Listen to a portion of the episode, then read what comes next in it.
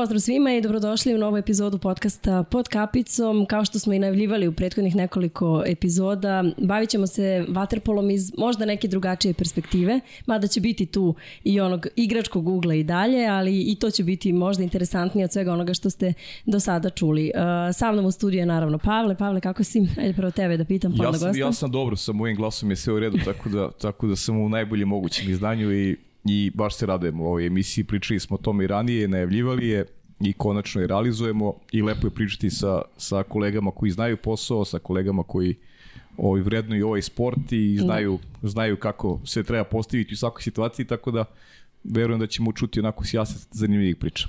Da, dobro, kad je moj glas u pitanju, ja ću se izviniti sad slušalcima i gledalcima kad si već spomenuo. O, ja mislim da će moje mami najteže pasti kad me čuje ovako, ostali manje više. E, I da, što se tiče našeg današnjeg gosta, e, verovatno će i nama biti od velike pomoći da eto, razmenimo neka ova naša iskustva i ovu medijsku stranu sa koje se trudimo da ispratimo Waterpolo koji svi toliko volimo.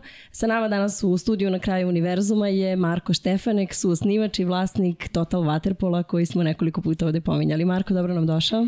Pozdrav ekipa, drago mi je da sam tu i jako, jako veliko zadovoljstvo je sjediti u ovom studiju nakon svih legendi koje su ovo prošle. Nadam se da ću ja nešto pametno imat za reći. Hoćeš, hoćeš, ne brini, da. O, pa interesantan je bio ovaj, kad sam ga prvi put kontaktirala u vezi sa, sa gostovanjem, pitao me šta je odlučili ste gastronomske teme da pokrivate. Ali bit će, posle, posle snimanja ovaj, i gastronomskih biće, Da, Ovaj, e, pa ajde Marko prvo ovako, kako ti se čini studio? Eto, malo si šetao ovde sa Pavlom pre nego što smo ušli u snimanje, pa komentari komentarisao sve ovo što si vidio. Da, super je što ima toliko, toliko zanimljivih i raznih stvari od kapica, memorabilija, nekakvih koje se tu mogu vidjeti. Onako, stvarno, stvarno zanimljiva, zanimljiva scena i, i, i, i ovako i iza, behind the scene, vidjeti kako to sve izgleda, jer uvijek imam perspektivu odavde, stvarno jako, jako zanimljivo i, i, i lijepo, je da, lijepo je biti to svakako. Da. Pavle, ja bih krenula ovaj, Total Waterpolom i, i, nekim kratkim predstavljanjem onoga Možda. što radite, s obzirom na to da evo, ja ću reći konkretno i ove sezone pa i prethodnih, kada je reč o, o toj evropskoj Waterpolo sceni, već i, i mnogo naših kolega komentatora, Pavle to bolje zna, ovaj, vas koristi kao onako i prilično e, pouzdan izvor informacije. Svi komentatori da. koriste Total Waterpolu u pripremi, u pripremi mečeva sada već, da. I baš smo, ove, ove sezone... Potpuno otvoreno iskreno. Da, ove sezone smo naročito kod nas u redakciji, tamo na Sport klubu, komentarisali e, tu najavu sezone i pripremu zapravo za celu sezonu i analizu svih ekipa, čak i onih koje su nove ove sezone u takmičenju i stvarno nam je onako kao neka mala enciklopedija kad treba da, da se uđe u kabinu. Baš je, baš je ovaj korisno. Da pozavide portali koji se ajde kažem, pa dobro, za nas nema većih sporta od vaterpola, ali ovaj, da se bavi drugim sportima i tako ću reći, futbolom, košarkom. Istina, da. Pa možeš, Marko, ajde, ako iz prve ruke da nam malo uh, predstaviš ovaj portal i, da kako je nastao i pa sve što mišlja treba kažeš, samo pa, izvoli. Prvo onako veliki kompliment ako kolege novinari koji to koriste kažu da je stvarno s obzirom i na druge sportove mhm. da se možemo nositi ravnopravno s njima ili biti bolji u nekim stvarima. To je veliki kompliment i veliki poticaj i nekakav i naš cilj je da budemo upravo ta baza znanja. E, nažalost, e, mi smo praktički jedan od rijetkih izvora, pogotovo na engleskom jeziku koji se mhm. bavi takvom tematikom i dokle god vaterpolo neće imati nekoliko takvih total vaterpola, nećemo se puno pomaknuti napred. ono što generalno kako je uopće došlo do nekakve ideje total waterpola i svega toga o čem smo pričali pa recimo krenula je priča 2017. na jednoj pivi ovako nakon, nakon nekakvog waterpolo mhm. termina u, krugu svojih prijatelja. Nas trojice smo krenuli sa nekakvom idejom u kafiću. Jednostavno mi smo svi vaterpolo entuzijasti, cijeli život pratimo waterpolo iz raznih različitih perspektiva i slično i bili smo uključeni u sve. Međutim, nedostalo nam je nekakvih informacija, pogotovo na društvenim mrežama koji su u tom trenutku bile nekakav moj fah koji sam dosta pratio, taj digitalni marketing, bavio se time, isto tako i kolege. I jednostavno smo primijetili da nedostaje tih informacija na internetu vezano za to i tako jedna piva za drugom kako to mhm. ide, ajmo, ajmo, ajmo, ajmo pokrenut nešto, svi smo imali u tom trenutku svoje poslove i bavili se nekim drugim stvarima i odlučili smo idemo pokrenuti Total Waterpolo, Taman je počinjalo svjetsko prvenstvo je bilo tad 2017. u Budimpešti ako se ne varam i odlučili smo, idemo, kupili smo domenu, otvorili smo profile na društvenim mrežama i rekli smo ajmo sad krenuti tu priču i vidjeti za godinu dana na istom mjestu ćemo se sjesti, vidjeti dokle smo došli, imali to smisla dalje gurati, kakva će biti situacija. I krenuli smo i stvarno je na društvenim mrežama, pogotovo u to vrijeme postoja portal koji se Waterpology zvao, ako se sjećate. Mhm.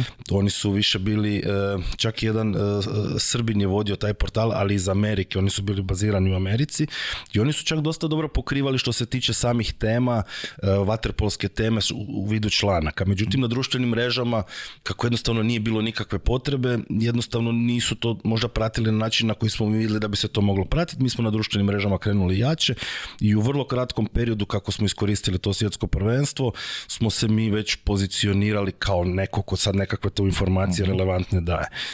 E, nakon toga, s obzirom da ja u nekakvim svojim krugovima poznanika i prijatelja, imam dosta vaterpolista koji su u ovim generacijama vrlo uspješni, igraju na visokoj razini, nije mi bio problem dođe do nekakvih intervjua, izjava i svega toga, bez da smo mi fizički bili prisutni tamo. Znači, mi smo to cijelo prvenstvo odradili praktički iz Zadra.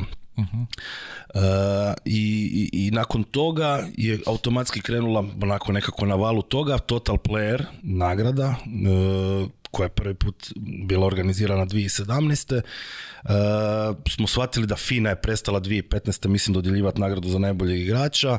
E, Mlen praktički nije ta razina nagrade koju smo mi htjeli, mi smo htjeli na svjetskoj razini. Nazvali smo trenere, nazvali smo, e, skupili smo nekakve medije koji se bave vaterpolom i organizirali taj prvi Total Player, di je Sukno i na kraju jedan bod završio Sukno ispred mhm. njega. I taj neki total player je dao nam nekako i priznanje među igračima, ogle ovo je nešto cool što se tu dešava, oni nešto rade dobro, inovativno, pozitivno i tako. I puno je lakše bilo raditi s tim vjetrom u leđa od trenera i igrača koji smo dobili, koji su, ja nisam uvjerovao to ni se nama zahvaljuju što mi nešto sad radimo mhm. tu, što, ali onako sigurno da vjetar u leđa. Prošla je godina dana, sjeli smo se, rekli smo di smo sad, ajde idemo dalje, nastaviti sa nekim stvarima, nije loše, to ide sve u nekakvom smjeru i, i, i nakon toga e, smo počeli uzimati, došla još jedna osoba u tim, e, tad je već Ivan krenuo, ono, kolega novinar iz Srbije koji je prije mhm. bio u žurnalu, koji, mhm. koji je naš glavni, glavni e, urednik na portalu samom, jel? on je počeo pisati i, i tu, smo, tu smo shvatili da želimo to gurati naprijed. Znači tu još i dalje sve to na nekakvoj amaterskoj razini, bez ikakvih prihoda, tek krećemo u nekakav projekt i sve skupa, ali ajmo ono, izdvajati nekakve novce da neko dobije plaću da se bavi ozbiljnije time na razini jer ja prvo nisam novinar, niko od kolega nije novinar i ti tekstovi niti su profesionalno pisani, niti nekad imaš vremena za ispuniti sve kako bih htio, pa smo htjeli to dovesti na jednu višu mhm. razinu. I nakon toga eh, smo krenuli znači sa, sa, sa Ivanom, pojačali smo, eh, tu smo već počeli uviđati neke stvari koje, nedostatke koje vaterpolo, jel, kojima mhm. ćemo, vjerujem, danas puno pričati, koji se pojavljuju. I tu je došla ideja za aplikaciju. Sjećam se jednom prilikom radili smo sa Jangerom intervju, mhm. koji u tom trenutku igra u Solnu, koji vjerojatno u top 10 najboljih igrača na svijetu, recimo. Radimo s njim intervju, googlamo sad nekakve informacije o njemu. Jedino što možeš naći što kažeš na Total Waterpolu neku informaciju, ne znaš gdje je prije igrao, koliko je golova zabio, kakvu je karijeru imao prije Mađarske, mhm. nešto tamo po Australiji zoveš ljude, pitaš, moliš da ti kažu nešto o njemu da bi uopće mogao napraviti nekakav kvalitetan intervju. I tad sam shvatio da postoji velika potreba da se unificira nekakva baza podataka što se tiče Waterpola i tada krećemo Misliš na statističke, pre svega. Statističke, ali tako je, znači baza podataka mhm. igrača, e, kao ja to više zamišljam kao jedan digitalni CV koji mhm, bi svaki mhm. vaterpolist imao, koji bi bio dostupan online, nešto kao što postoji transfer martu u nogometu. Kao što u futbolu i košarci, da, mm, postoje. Tako je, tako je, tako je, znači gdje bi ti se bilježila sva statistika sa utakmica koju ti radiš, e, koju radiš za vrijeme utakmice i nekakve bazične informacije da bi svaki novinar, dijete, protivnik, trener ili bilo ko tebi nekako mogao saznati i tu krećemo sa projektom Total Waterpolo Arene, znači ulazimo u taj softverski dio koji isto tako nama nije stran zbog svega što smo se prije bavili i tu nalazimo partnere s kojima radimo aplikaciju. E, i dalje znači smo u investicijskom ciklusu nekakvom mhm. bili jel gdje smo samo investirali novce da bi neke stvari pokrenuli došla je Budimpešta 2019. europsko Eh, tada smo prvi put testirali aplikaciju na velikom nacenju gdje smo je samostalno radili, smo vidjeli da to savršeno funkcionira, imali smo puno statističkih zanimljivih podataka i sve. I tada nam je zapravo najveći možda korak naprijed napravilo sami Len koji nas je izbacio s natjecanja zbog jednog mog kritičkog teksta gdje smo mi dobili veliku ponovo prepoznatljivost u javnosti mhm. nakon što su nam uduzeli mhm. akreditacije kao novinari. mm eh, Čekaj, samo, samo moram jedna mala digresija taj isti Len uh, koji vas izbacio tada i oduzeo vam akreditacije, danas na neki način vaš saradnik. A da, o tome ćemo kasnije. Da, ok, samo da skrenemo ljudima pažnju. i to ste uspeli. Tamo, da, kako se stvari promijene nakon korone i nakon svega. A dobro, šta je, šta je, očite nam okriš, šta je bila tema ovaj, Znači, u kom smislu si ovaj, tog, teksta, na koji način si kritikovao cijelu priču ili... Da, znači, e, čak je bio, to je bio moj prvi, nazvan je no bullshit, jel, kao, kao jedan, jedna kolumna unutar našeg portala. Ja sam uvijek se e, želio da naš portal bude afirmativan i pozitivan, znači da baš idemo nekim pozitivnim smjerom, iako ima puno negativnih tema, a onda sam sebi dao oduška kad stvarno više ne bi mogao tu negativu, sam htio negdje pretočiti, pa je taj bio jedan no bullshit e, blog koji bi ja pisao baš ja, gdje bi se kritički osvrnuo nešto ta konkretna tema, taj prvi no bullshit je bio vezan za njihovu nagradu za Difulvija. E, znači te godine Dene Švarga pobjedio kao total player u 12. Mhm. mjesecu. E, ja sam poslao službeni e, mail Marku Biriju tada koji je bio direktor mhm. za, sve sportove u Leni i zamolio da li za vrijeme europskog prvenstva prije neke od utakmica doslovce jednu minutu neko od njih ako želi ili bilo ko da preda nagradu dene Vargi pred domaćom publikom u Dunaj areni fenomenalan ambijent kao nagradu za najboljeg sportaša svijeta po izboru Total Waterpola, znači nikakva konkurencija nagrade niti bilo šta od toga, gdje on meni vrlo drsko kroz nekoliko mailova odgovorio da je to nemoguće, da se nema vremena, s druge strane su se dijelile nekakve druge nagrade koje nisu bile u tom niti mhm, približno te mhm. razine. Mene to dosta naljutilo, oni su preglasili fulvija za najbolje igrača Europe, poslali su jedan press release koji je bio pun netočnih informacija i neistinitih u ostalom, gdje sam ja argumentirao kroz matematiku za zapravo na koji način su oni dodijeli tu nagradu, da nema nikakvih argumenata ko je odlučio da se to tako, ko je glasao uopće, kako su se glasovi da, distribuirali i slično. I to je jedan vrlo argumentiran članak, nastav je do duše bio dosta provokativan, mislim da je bio Len cannot even execute their own lies mhm. i slika jel, od Birija i Kao to to je bilo provokativno. I drugi dan kad sam došao na bazen, sve naše akreditacije su bile poništene i nisu nam dozvolili da uđemo na bazen. I ja sam tražio... čekaj se, mene zanima iz kog, razloga kriterijumi dodeljivanja tih nagrada nisu jasno definisani, zar? Pa i, i, ja sam se, i, nakon toga njihov mela je prvo išao upit prema njima na koji nije stigao odgovor i nakon nedobivanja odgovora nakon dva dana je izašao tekst taj moj koji sam ja napisao vezano za, za, za, za mhm. baš to, za nejasnoće dodjeljivanja. Ja sam rekao, ja nemam ništa protiv da je Defulio svoje, da pače. Ako smatrate da je sve, stvarno svaka vaš čast izbor, na da. sezoni, vaš izbor, sve ali naš, nemojte mastoći, a s druge strane nama ne dozvoljavate da mi dodijelimo nagradu, jer smatrate da smo vam nekako konkurencija, nismo mi konkurencija, treba što više takvih nagrada, što više se trebaju ti igrači stavljati u prvi plan. Tako je. E. Lakše je oduzeti novinarima mm, akreditacije da, nego da. Da, i to je pa, evo, vi ćete možda bolje znati, sjećam se da je, da je kolega Šapit na HRT-u spomenuo baš tu situaciju, da, da, ne, da ne pamti kad je doživio da novinar oduzeta akreditacija za sudjelovanje na natjecanju zbog kritičkog nekakvog osvrta. I pritom mislim. pričamo o vaterpolu, sportu koji nije ono centar pažnje, osim kada nije veliko takmičenje. Točno, točno. I onako iznenadilo me i onda taj cijeli još odnos, kad sam ja tražio nekako objašnjenje gdje oni su potpuno nas ignorirali i u tom trenutku smo mi na društvenim mrežama objavili da nam je oduzeta akreditacija i to iz, znači meni je telefon doslovce gori od igrača e, e, iz hrvatske reprezentacije, Andrija Prlejnoj, sjećam se da je slao poruke koliko vam karata treba, šta god vam treba, tu smo za vas, e, ući ćete na bazene, brinite i slično i to nam je još dalo nekakvu dodatnu mhm. snagu i sigurno nam je stvorilo nekakvu prepoznatljivost dodatno u toj vaterpolskoj javnosti kao nekoga ko može na nešto utjecati, ko ima nekako svoje mišljenje i ko je spreman boriti se da nam bude svima bolje. Mislim Upravo da to, to bila jedna prekretnica. Dobro, to je stvarno bio znak jest, kada ste shvatili jest, da. da treba da postojite. Mislim, točno, to je, bilo, nije bilo reči. Jeste li bili na bazenu nakon toga? Mislim, na Bili smo nakon 15 minuta već u bazenu. I Dobro. sjedili smo kraj ljudi koji su nas izbacili, koji nisu ni znali da smo to mi. Tako da bilo Aha, je, joj, bilo je idući, znači, idućih dana zanimljivo. Znači oni vas nisu lično do tada poznavali? Ne, ne, oni zapravo nisu ni znali ko smo mi. Pa ne, oni njih, njima je samo, ovaj, istina im je zaparala ovaj, oči, da. umove, pomračila i to je to, da. I šta se dešava posle toga? Da, mene sad zanima tranzicija kao ovom delu gdje vi sad kao poslujete kao prava jedna, jedna mala firma koja zarađuje i tako. E, nakon, nakon toga smo krenuli u, u nekakve priče znači, znali smo da sad moramo krenuti sa nekom. Međutim, šta se dešava? 2019. to je kraj prvog mjeseca, eh, mhm. nakon toga dolazimo u koronu. Znači, mi krećemo sa aplikacijom, sad bi mi to trebali ići distribuirati prema savezima, trebali bi se pokrenuti stvari naprijed i jednom je sve u lockdownu i sve staje. I staje praktički dvije godine. U tih dvije godine smo mi uđu vremenu odlučili pokrenuti eh, eh, Znači, pokušali smo monetizirati naš portal. Kako ćeš monetizirati? Monetizirat ćeš ga naravno kroz oglašivače. Mm Išli smo sa nekakvim ponudama prema prvenstveno proizvođačima opreme kao nekakvom mm najlogičnijem partneru, proizvođačima lopti i slično, koji bi imali interesa se oglašavati kod nas. Na kakve ste odgovore mm, Na jako malo odgovora smo uopće naišli. Uh Znači, mm, ja imam nekakvih iskustava kroz život, sam radio i u i u business developmentu, pa znam nekakav pristup kakav treba postojati prema tome.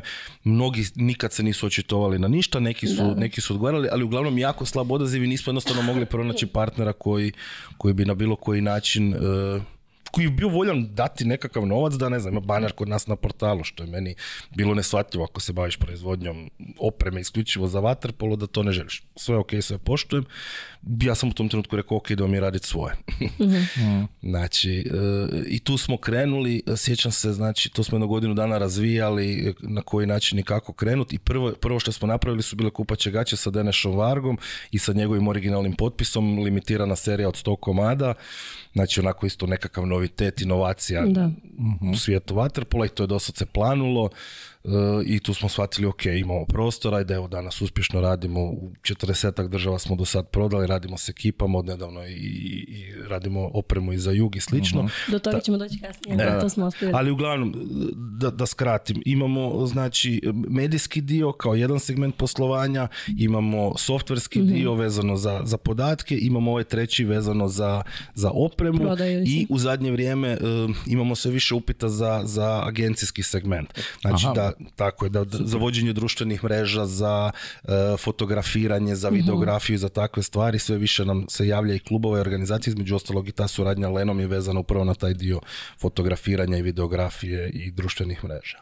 Ma e, rekao si, izvini, samo e, sa troje, koliko, vas trojica ste onako sjedili u kafiću, pili ste pivu i, da. rešili da otvorite. Koliko vas sad ima ovaj, u firmi? Širiš bazu ljudi? Tako je, nas je trenutno u firmi osam mhm. zaposlenih, plus mi imamo kooperante vezano za izradu, izradu, izradu softvera, tu imamo jednu firmu s kojom surađujemo, imamo kooperante vezano za opremu. Mhm. Znači, ja vjerujem da su nekim trenucima kad, kada ima veći obim posla, to ide između nekakvih 35 do 40 ljudi sve skupa koji su uključeni u razne procese, ali nas osam je trenutno u firmi koji smo nekakav core team gdje ljudi se bave ili prodajom opreme ili se bave portalom, pisanjem mhm. tekstova, društvenim mrežama i slično. Nas je sad, sad je u bazi, nas je osam. Jedan tvoj zaposleni je poslao video pitanje, se plašiš? uvijek se plašim svojih zaposlenih. Šalim se, da. Vidiš, Pavle, ljudi su krenuli od piva i na kraju zarađuje Ti Ja pijemo čaj sad, jel ti to govori nešto? Jasno. A? Znam što ćeš da kažeš. Sad sam ja prešla na čaj, loše utičeš na mene, strašno. Ove, ovaj, da.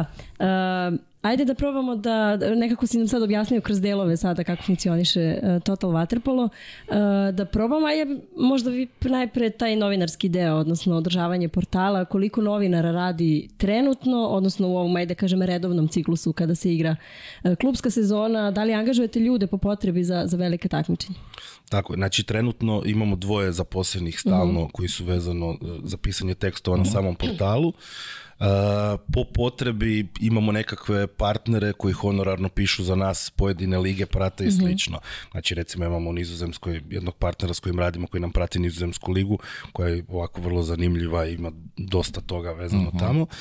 E, e, e, znači, što se, što se tiče praćenja samog natjecanja, onda idemo svi, svi na teren i recimo i Dragan koji je više zadužen za aplikaciju i slične stvari, onda i on sudjeluje u tom nekakvom statističkom segmentu gdje daje informacije novinarima vezano šta se dogodilo na utakmici, koju igrače treba istaknuti i slično. Mhm. Znači, nekako se povežemo onda u nekakav tim koji na natjecanjima stavlja sav fokus na to da se to kvalitetno isprati sve više stavljamo fokusa na, na, na, na Instagram recimo, u jednom periodu nam je Facebook bio puno jači, međutim Instagram ga je preraso i sigurno ćemo morati iduće godine preći i na TikTok jer mhm. je jako, jako bitan Za, za, za, mlade, ali taj, taj sami sadržaj za, za Instagram, taj vizualni aspekt kroz koji mi prenosimo informacije jer smatramo da je to isto izuzetno bitno, uvijek ćeš imati publiku koja će doći na portali čitati vijesti, međutim želimo proširiti puno tu bazu i sa, sa današnjom mladom publikom koja neće otići čitati izvješće sa svake utakmice, ali želi sa dva,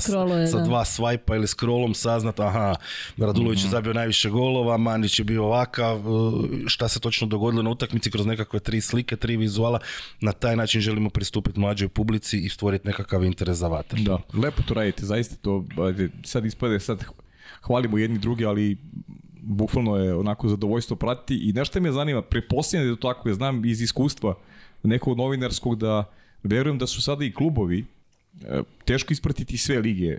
Jer vaterpolo je e, mnogi, mnogi to pocenjuju i vaterpolo se igra širom planete, baš kao što se igra i futbol. Teško ispratiti sve lige, želite budete svuda prisutni. Verujem da su i klubovi sada vas prepoznaju i da su zainteresovani da oni pruže neku logističku pomoć u smislu da se njihovi izveštaji objavljuju, da, da postoje rezultati liga, da, da, da širi neki auditorijum koji vas prepoznaje kao kao relevantne činioce u ovom sportu da, da, da ih prosto da budu zastupljeni u, u, vašem portalu. Točno. E, imamo stvarno što se tiče igrača i trenera i klubova nisam, ne mogu navesti primjer da je neko negativno reagirao na bilo kakav naš upit ili pardon da nam nije omogućio pristup nekakvim mhm. slikama ili, ili izjavama ili bilo šta e, e, prepoznali su nekako naše napore, našu želju da to napravimo najbolje što je moguće i stvarno od svih imamo maksimalnu, maksimalnu podršku po tom pitanju i, i, i, i, i mislim da su se čak možda će glupo zazvučiti, ali mislim da su se i okuražili i dobili nekakvu hrabrost i sigurnost da i oni, i oni krenu sa nekakvim stvarima mhm. i da se moderniziraju i vidim, meni je drago kad vidim da ne znam, mi krenemo nešto raditi pa onda neki klub to počne raditi ili neko drugi. To je super jer ne? možemo mi doseći sa svojim sadržajem sve. Mhm. E, u nekakvim manjim razinama, neko, neki klub u, u, u Mađarskoj ili u Francuskoj, on će dosegnuti nekakvu svoju publiku koju mi nikada nećemo se Ja želim da tim pristupom i tim načinom i oni rade i ako vide nešto što im se sviđa da pače, neka počnu to koristiti na taj način i da, da taj waterpolo izgleda lijepo bilo gdje i da se stvore mhm. nekakvi ti standardi, da pače. Da. da, to je ono što smo pričali. Da, pa evo recimo, ovaj. da, Ferenc Faroš recimo vidim da, da ozbiljno radi logistiku, da čak vodi ekipu koja, mhm. ne znam, snima igrače, aktivni su vrlo recimo na Instagramu, ja pravi konekciju sa, sa, igra, sa, sa publikom, onako vrlo jasno, što je što treba da bude, moraju da popularišu, uh, sport mora da se populariše mnogo bolje nego što bio slučaj ja moram pre da, moram priznam da, da i ne samo vašim osnivanjem nego i, i kasnije kako vi postajete popularni da tako nekako klubovi kao da im je ružno zvuči ali nametnuta obaveza da pred svaku utakmicu Lige šampiona mi vidimo snimak proreka, breše ili njihovih igrača kako se zagrevaju, ulaze u bazen. Pa čak i neke izjave ono kao pre-game interviews i to, to je nekako postao standard, čini mi se sa vama. Znaš, nisam to uočila možda i do mene, ali ove, ispravim ako grešim. Nekako mislim da, e, to je moj stav inače za, za, za sportove, da su igrači, klubovi, i, znači ako pričamo o kolektivu, pa čak i pojedinci u tim klubovima, e, prepoznali da njihovim učešćem i time što su prisutni što na društvenim mrežama, što na vašem portalu direktno u tim vestima pa i analizama, e, to može da promeni stvari u nekom smislu na tržištu generalno. Znaš, ne samo u transferima igrača, već i možda i u transferima trenera, u tome gde će završiti sledeće sezone. Nekako mislim da im to menja, ajde uslovno da, rečeno da kažem cenu. Kažem, možda preterujem, možda utjecaj medija, naročito novih, nije toliki, ali mi se čini da dosta pomera stvari, a da toga baš nismo svesni ovako iz naše perspektive. Pa ću ti, evo, mogu se osvrnuti konkretno na to, neću spominjati koji, o kojem mhm. igraču se radi, ali za jednog igrača smo napisali, što je baš bila vijest, da napušta klub na, mhm. pred kraj sezone, mislim da je bio, mhm. ili da ne zna gdje će sljedeće sezone, da li je bio neki prilazni period i slično ljeto. I on me zove drugi dan i veli, od kad ste vi objavili, meni su se javila četiri kluba. Da. I onda nas je kolega njegov iz kluba zove, rekao, slušaj, ja isto ću izgleda otići, jel bi mogli, jel bi mogli pa da ja probam naći. Tako da, da, definitivno uh, uh, uh, ima to nekakvu dodanu vrijednost i, i, sigurno su uvidjeli da postoji tu nekakva dodana vrijednost. E, klubovi, e, još sigurno da nisu svi na, na razini uh koje trebaju biti. Ako pogledaš Ligu prvaka, recimo, veliki je e, e, e, nekakav dijapozon između visoke kvalitete i nečega što se baš izuzetno loše radi. Znači, na samo 16 klubova postoji velika razlika. Tu treba biti puno veći standard i to je zadatak Lena da taj standard uspostavi među klubove i da klubovi jasno koji sudjeluju udjeli u Ligi prvaka imaju, ja vjerujem da je to šta sam čitao i čuo da u košarci taj standard već postoji, jer ti moraš imati određene ljude u marketingu, ti ti, moraš određene marketinške napore raditi prije svake utakmice Lige prvaka, ispuniti nekakve zadatke i proći neke check ako želiš sudjelovati u tom natjecanju, ako ne želiš, ima ko hoće. Moram da priznam da su u Košarkaškoj Euroligi svake godine dodelio nagrada najbolje marketing timu. Eto. I ljudi se ozbiljno takmičeni ti marketing timovi se ozbiljno takmiče između sebe tokom sezone. Mi u Waterpolu, nažalost, u Ligi Proka nemamo, mnogi klubovi nemaju marketing timove. Mm. E, ajde, ideja za to Waterpolu da. za novu nagradu. da, da, mogli bi, da. E, imali imamo taj nekakav članak u planu ćemo malo secirati kako ko radi na, na, na mhm. društvenim mrežama, koje su nekakve baš dobre prakse i kako bi se trebalo raditi, to je sigurno što je da, zanimljivo. Ali evo Ferenc Varoš moj jako dobar prijatelj e, iz Mađarske radi kao PR i marketing marketing menadžer u Ferenc Varošu baš za Nisam znao to uopšte. Tako je, da, pozdrav. Ako Atila možda sluša, veliki pozdrav. Pozdrav, pozdrav. Niste se dogovorili. Da, ali, da, ali, ali zanimljivo šta je Ferenc Varošu velika prednost. Oni cijeli dizajn tim koji stoji iza toga, stoji iza nogometnog kluba. Uh mhm. -huh. Mhm. I znači oni dijele pojedine odjele u marketinškom segmentu, dijele po, pojedine odjele koji kreiraju nekakve vizuale, grafike i slično za nogomet, samo ih prilagode za vaterpolo i šalju njima. Definitivno puno studioznije pristupaju tu od mnogih. E, Atila, još jedan kolega, idu tu, fotografiraju, imaju svog fotografa koji ih prati na svim natjecanjima Tu su sad već neke, jedna stepenica koja je sigurno ozbiljnija i oni to rade puno profesionalnije. Opet, da je klub samostalan, nisam siguran da bi financijski mogao podnijeti takav jedan tim koji bi mogao sve mhm. to raditi u ovom trenutku, u ovim uvjetima u kojima se trenutno Liga prvaka igra. Da, ali složit ćeš se, neko iz vaterpol kluba je želo da to ima. Tako je. Da. Sigurno, sigurno. I to je poenta cijeli priče. Znači mora pokažeš neki, neku inicijativu. Mora da se boriš za svoj proizvod do koske. Ako se ne boriš za svoj proizvod, ništa neće ti padne sa neba. Dakle, mora da tražiš nešto, mora da pokušavaš da bi, da bi nešto to, i, na kraju sve, izvor svega je entuzijazam. Niko ti neće do, doneti prvo budžet i reći, e, evo ti ovo, pa ti sad taj entuzijazam stvori, nego je uvek početni entuzijazam, a onda budžet nekako ili dođe ili ako ne dođe, ostaneš na entuzijazmu, ne, ne, ali nastaviš. Neko iz Vaterpol kluba Ferec Varoš je Prepozno, shvatio da. mu to treba. Tako. Da. I onda je okej, okay, to je lančana reakcija, da su klubu uvezani, ali to izgleda fenomenalno. Ja, mislim, ako baš pričamo o, o tome što si sad malo prije spomenula, da mora postojati taj voljni moment i slično. Mislim da, eh, pogotovo tu kod nas, eh, mi nismo svjesni da, da, da to sve što radiš, da to ima nekakvu vrijednost, da je to investicija, da to nije mm. bacanje novaca u prazno. Da li će se to reflektirati kroz direktan sponzorski nekakav novac ili će ti doći 10-15 više djece na bazen iduće godine koje će plaćati članarinu od toga, pa ćeš opet imati nekakav povrat te investicije. Mislim da jako malo ljudi to doživljava na taj način. E sad, to je sad jedna sljedeća tema o kojoj možemo pričati ili ne, ali, ali e, ta percepcija se mora promijeniti da nije to nešto što ja moram imat, jer, mi, jer sad to tako svi rade, nego mhm. postoji razlog zbog kojeg se to radi. Tako je. Da. Razlog je da bi generirao nekakve dodatne novce iz toga. Nećeš ih generirati sutra, ali ćeš ih kroz određeni period generirati sigurno. Mm. Dobro, ja jednog dana kad ne budem više mogla da trpim Pavla, jeste spremni za jedan novinarski transfer? E, gledaj, uvijek možemo. Možemo poslije za, za ručkom. za ručkom ćemo pričati. Iskamčila sam ovo pitanje, šalim se. Ovaj, e, da, e, ajde da pređemo na ovaj, e, kako si rekao, agencijski deo, odnosno tih ponuda E, koje, koje su vam stizali, između ostalog i od Lena. Da. Ali ovaj, nam to detaljnije. Ne samo o Lenu, nego i ostalim. Naravno, vidim da je, o, ova mi je nekako najinteresantnija. Voljela bih da čujem kako je došlo do saradnje s ljudima koji su se izbacili sa, sa bozena. Sa bozena, da. Pa eto, neke stvari, ko što znate, su se u Lenu i promijenile u mhm. posljednjih uh godinu dana. Znači, e, možda i neki moj pulšit uspiju utjecati nad nekoga da negdje razmisli kada je dizao ruku nekada na izborima da li, da li će ponovo glasati za Barelija i cijelu tu strukturu ili ne. Izvini, autor imena Pulšit? E, moja supruga. Da, to znam, zato, zato sam te i pitala. Da. Ona, je, ona kreativni pozdrav dio. Za Ivu. Kreativni pozdrav, dio, da. Bez nje, najveći investitor u Waterpolo, definitivno je ona.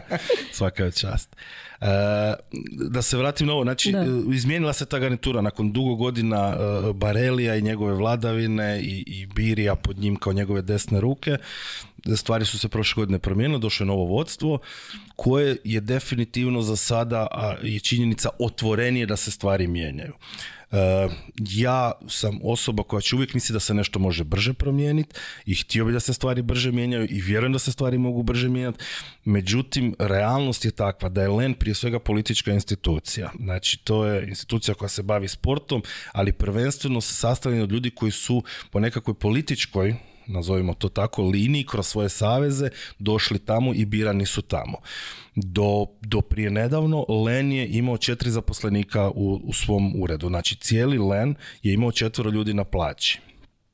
To je činjenica za sve sportove, za sve discipline koje su pod lenom. Znači i vaterpolo i plivanje i artistic mhm. swimming, diving. Ja se izvinjam, kancelarija fizički je u U, u, mislim, u Švicarskoj. Da, Aha, da, da, e, I tih četvoro ljudi vodilo brigu o svim natjecanjima koje Lena organizira, i o Ligi prvaka, i o, o, evropskim prvenstvima, kratki bazeni, juniori, sve, sve, to, sve to ide po, po četvoro ljudi, što da se razumimo nije lako.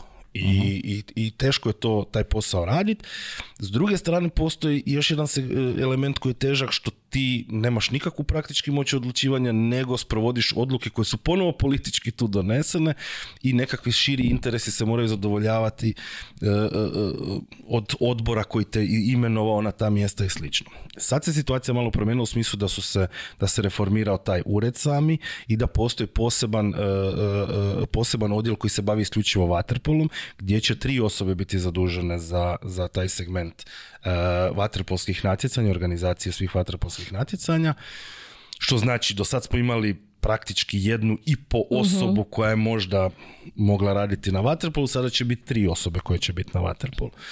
Eh, i ponavljam, nije lako pomiriti sve interese, svi koji su tu ušli, uvijek će Mađar imati e, uh, interes da, da, da, da, sačuva na neki način da pomogne mađarskom vaterpolu, Hrvat hrvatskom, Srbin srpskom. Da, hoćemo kažemo ko, ko, je ti, ko čini to, to Možemo, znači Renato Živković mhm. e, e, iz Hrvatskog vaterpola saveza, bivši glavni tajnik Hrvatskog vaterpola saveza, izabran kao čelna osoba za vaterpolo. Eh, Dejan Perišić eh, je također u tom, koliko znam, u tom eh, dijelu ofisa, mislim da će on biti puno više za ovaj natjecateljski mhm, organizacijski mhm. dio i Elizabeta Elizabeta jedna mlada cura iz Švicarske koja će voditi ofis u smislu ovih operativnih, tajničkih, administrativnih, poslova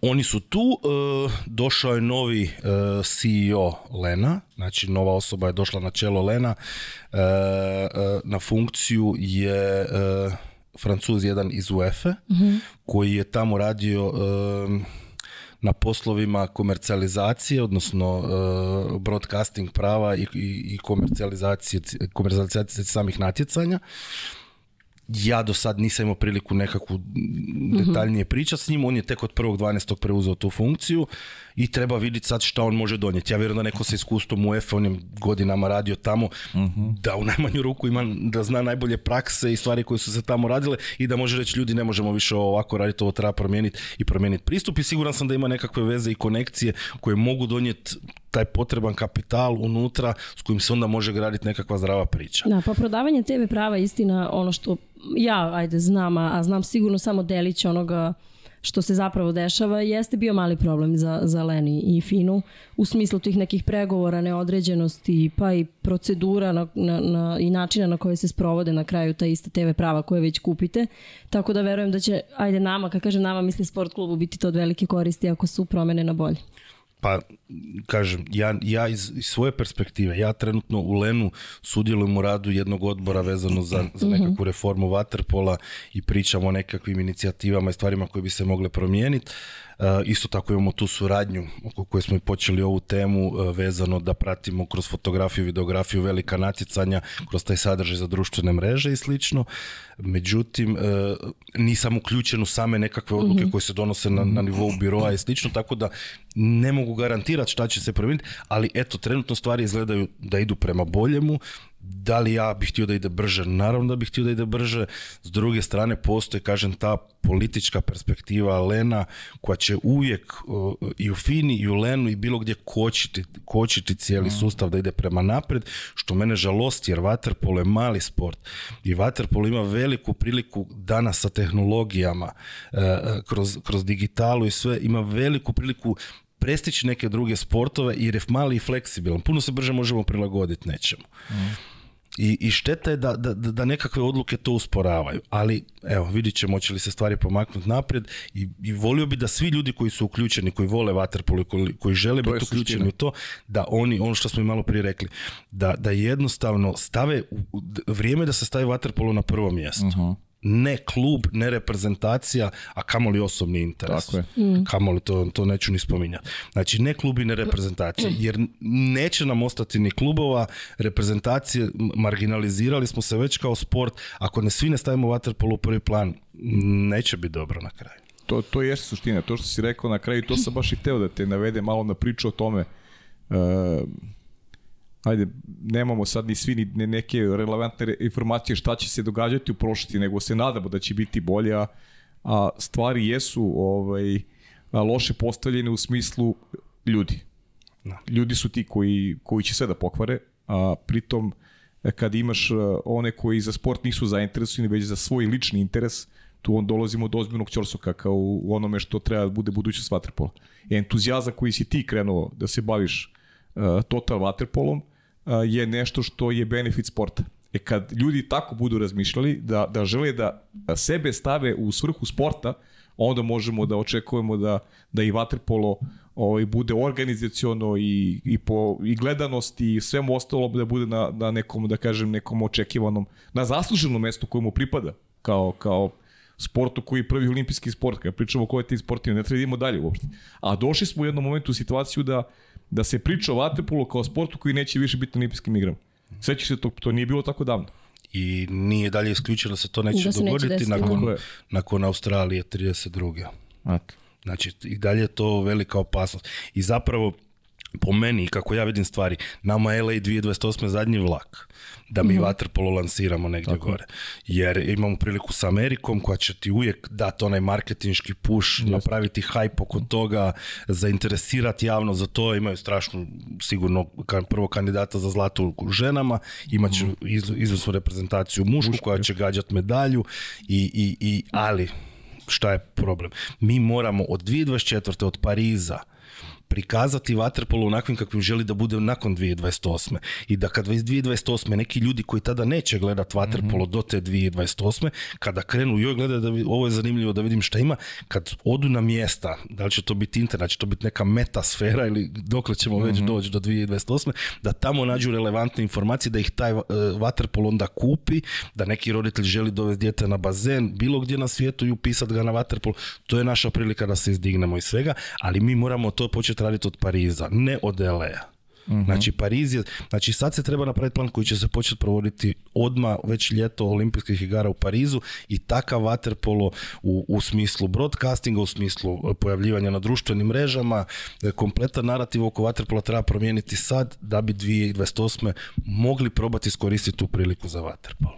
Slažem se. Mare, a saradnja sa Lenom, bar bih ja ovako rekla, sa strane gledano, nije promijenila E, taj vaš način rada, ajde da kažem urednički ovaj moment i e, kritičku nastrojenost i analitičke tekstove i što da ne provokativne naslove i dalje, reklo bih da nije. Reklo bih da u tom momentu ne, ne, ne zavisite uopšte od toga da li ćete dobro sarađivati sa njima ili ne. Pa kako si uspio to da zadržiš? Eto, to, to, to je moje pitanje u stvari. Pa, gledaj, ne znam, ja, ja kad, kad smo mi počeli nekakve razgovore i kad je došlo, kad se pokazalo da će se dogoditi nekakve sve te promjene, oni su htjeli da se mi, izbog te nekakve kritike koje smo stali, ali zbog načina rada koji smo radili, želili su nas uključiti u to kroz savjetodavno kao pomoć nekakvu da, da, da, zacrtamo nekakav smjer ili da ostalom nešto i pomognemo tu i, i, i, i s te strane u Međutim, ja sam rekao, ne znači da nećete vi za godinu ili dvije biti na onoj strani pušita ako stvari ne krenu dobro. Da, apsolutno, imamo energiju, imamo želju, želimo pokrenuti stvari i sigurno da će tu biti e, prepreka nekakvih i, i da neće uvijek biti lagano, ali ajmo probati nešto pomaknuti barem naprijed. I e, iskreno e, Pulšit već dugo nisam napisao, ali ne da ne bi imao zbog čega i dalje postoji jako puno to tema da kažem, koji bi se mogao napisati da ne bi bilo da je sad vezano za Len ili nije. Ja svima dajem sad nekakav grace period, sad će, još nije prošla ni godina dana i Fini i Lenu da pokriju neke stvari. Stvari se jesu pomakle naprijed, ponavljam, brzina i dinamika još nije željena, ali su se pomakle neke stvari naprijed. Mislim da ćemo najbolje moći od iduće sezone, evo sad nedavno je i Marko Birik kao, ajmo reći, posljednji Mohikanac koji ostao iz stare garniture je, je smijenjen u Lenu, odnosno otišao, jel? E, stavimo to lijepo da bude, da lijepo zvuči. Čekaj, e, čekaj, mislim da je ovo moment. Vanja, pusti sliku, molim. Posljednji mohikanac i večiti buntovnik u Leno sada. je li ovo iz Splita, Mare? Je, je, ovo je. Mislim da ovo sa ždrijeba Lige prvaka bilo kad mi je objašnjavao. Da, ja mislim da je ova skupljena pesnica tvoja sasvim slučajno ovako uključena. Je, to je, okay. to je čarolija našeg fotografa Lazlo Baloga. Da, Stvarno nije bio nikakav kritičan trenutak, do duše on je dosta nesuvislo meni objašnjavao zašto ima pet potova u ždrijebu samo za dvije grupe. Ti protegao se samo. A ja se, nešto su mi leđa boli. Pa dobro vidi, gospodin Biri drži prst ono kao liči na pretnju, mada ne bih rekla, ali dobro. Ove, ovaj, Pravi novinari bi mogli svašta izvući. Da, Svakako da, kontekst zove slike. Žuta štampa. Da, da, da. Da, mi nećemo, ali čekaj, je li, je li Split bio prvo veliko takmičenje vaše saradnje? E, pa imali smo, da, da, da, mhm. e, e, prvo veliko natjecanje imali smo par ovih juniorskih to ljeto mhm, koje su mhm. bile, tu smo, tu smo započeli ili I na koji način i da li misliš da Len dobro koristi ono što vi njima pružate od usluga? A sad e, mislim da bi mogao bolje. Mhm. Da mislim da bi mogao na neki bolje. I mi smo otvoreni. Znači, mi smo sad pokrenuli nekakvu suradnju do nekakve razine. Mi ćemo sad i dalje pričati o tome da li se ta suradnja može proširiti na koji način. Ja iskreno mislim da bi se trebala proširiti, da bi mi trebali preuzeti kompletan taj segment marketinga ili da se pronađe nekakav model da se u, u konačnici barem e, strateški idejno nađemo na istom, istoj valnoj liniji da se počnemo raditi neke stvari na način na koji bi se mogle raditi s obzirom na njihove resurse i na njihovu snagu i veličinu mislim da bi se neke stvari mogle još kvalitetnije raditi ali evo pričamo o tome, ne mogu reći da ne pričamo o tome i da nisu otvoreni saslušati bilo kakvu kritiku i sve jesu i ja se nadam da ćemo u budućnosti moći još bolje stvari raditi jer sigurno, sigurno da postoji prostora, pogotovo u segmentu uh, e, video kojima oni imaju pristup jer imaju prava. Znači mi u Total Waterpolu ne možemo napraviti top 5 golova ili izvući nekakav potes sa utakmice. Mi nemamo prava. A takvog sadržaja definitivno je dosta na Lenovim platformama koji bi toga sadržaja puno više fokusa trebali staviti na takav sadržaj i kroz taj sadržaj promovirati vaterpolo jer Mislim da je to definitivno trenutno broj jedan sadržaj koji, koji na društvenim mrežama. Da, i vi biste bili potpuno spremni da im to kreirate, na gotovo. Da, mi smo i kreirali. Uh Znači, mi smo i kreirali, e, ali, ali ne koristi se u dovoljnoj mjeri. Ja vjerujem da bi mogli koristiti u puno većoj da, mjeri. Okay. Mari, zadrži taj kritički stav i nemoj bez njega nikako da, da, da koračaš dalje, jer na šta je poente, prepoznaje se dobra namera, a vjerujem da je to dobar deo vatre sveta prepoznaje, onda taj kritički stav može samo da pomogne ovaj, nekom daljem, nekom daljem ovaj, napretku kroz, kroz promociju, kroz sve te aspekte gde je sport zosteo, Sad sam se vratio na, na, na onu temu koju si započeo vezano za, za igrače gde ti recimo pre 10, godina ti bukvalno nisi znao rostere ekipa dok ne počne sezona. Jer manje više to nije imao ili su redki mediji bili koji su to objavljivali. Da se niko nije bavio na taj način. Ti prosto ne znaš ko je slobodan na tržištu jer, jer nemaš te informacije. A sada je to već E, e, drugačija, drugačija perspektiva i naravno da momcima znači ovaj, iz perspektive neke budućnosti da, da znaju da su negde u ogledalu, da su na tržištu, da, da mogu lakše pronaći svoje angažmane. Dakle, to su neke stvari koje su nezamislive za, za, za, za neke druge sportove. Da. Bukvalno nezamislive možemo da se vratimo na bilo koji od ovih segmenta, samo da ne zaboravimo o, ovu bazu podataka kao treći, mhm. treći neki deo. Uh, samo nisam, nisam uspela da shvatim, a nemam aplikaciju, izvinjavam se na tome, skinuću čim pre. Ovaj, uh, da li aplikacija podrazumeva samo tu bazu podataka ili i sada već čitav ovaj deo i sa vestima i tako dalje? Znači ovako, e, aplikaciju ne možeš ni skinuti, mobilna aplikacija kao takva ne postoji, ali je sustav, taj live scoring sistem integriran unutar naše, unutar naše web stranice. Gdje se mogu pratiti pojedine lige koje, s kojima mi surađujemo, mogu se pratiti rezultati uživo i vidjeti koji igrači kako igraju na kojim utakmicama, kakvi su im statistički podaci. E, aplikacija, to je inače browser aplikacija koristi se na, na, na laptopima ili na tabletima, koja služi za vođenje samih utakmica za vrijeme mhm. utakmice. Znači ono što se uglavnom radilo na papirima do mhm. prije nedavno ili kroz Excel tablice, mi sad omogućavamo da kroz naš sistem se to vodi i da ti se automatski ažurira to nešto na tvojoj web stranici, da se automatski automatski e, ažurira kod nas na web stranici da taj rezultat bude dostupan. Mislim, klasičan live mm. scoring sistem nije to e, dosta je kompleksan da se kažem, budemo realni. Nije, nije, nije, nije, dosta je tu e, rada i novaca otišao da se ta baza konstruira kako treba, jer u pozadini ona dosta kompleksna. Ovako na van, to sve izgleda možda, aha, play by play, ide nekakav da, scoring i sve, u pozadini dosta kompleksnija i to je ono što smo integrirali znači na, trenutno na naš web i dajemo savezima mogućnost da ga koriste. Manjim savezima dajemo da koriste besplatno. Znači želimo promovirati, pa imamo, ne znam, Finsku ligu, Rumunjska liga i tako, da bi mogli koristiti to za svoje natjecanja, za svoje mlade. Šta je cilj meni za svega toga? Nismo još u toj fazi, ali trenutno savezi mogu nekako, ajmo raditi e, e, e management svojih natjecanja, znači pratiti kalendare, mhm. kreirati utakmice, imati e, podatke o mhm. timovima, igračima i trenerima i taj najbitniji segment je prezentacija same utakmice. Međutim, sa vremenom kako to ide, poboljšati taj segment još e, e, vizualnog aspekta i kako se prezentira prema van svi ti podaci, profili mladih igrača i mislim da je to recimo, nisam to primijetio u drugim sportovima za sada, ali na neki način spojiti e, Eh, kako mladi danas su puno digitalnom svojoj sferi, da njegov rezultat koji on postigne na treningu ili na bazenu za vrijeme utakmice, da se automatski manifestira na njegovom digitalnom nekakvom profilu. Znači da on dobiva beđeve kao najbolji strijac lige, pa ovaj je bio najbolji bloker lige, pa je ovaj u polusezoni.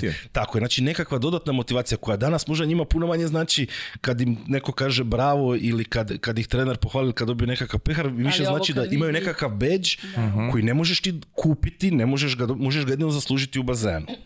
Mhm.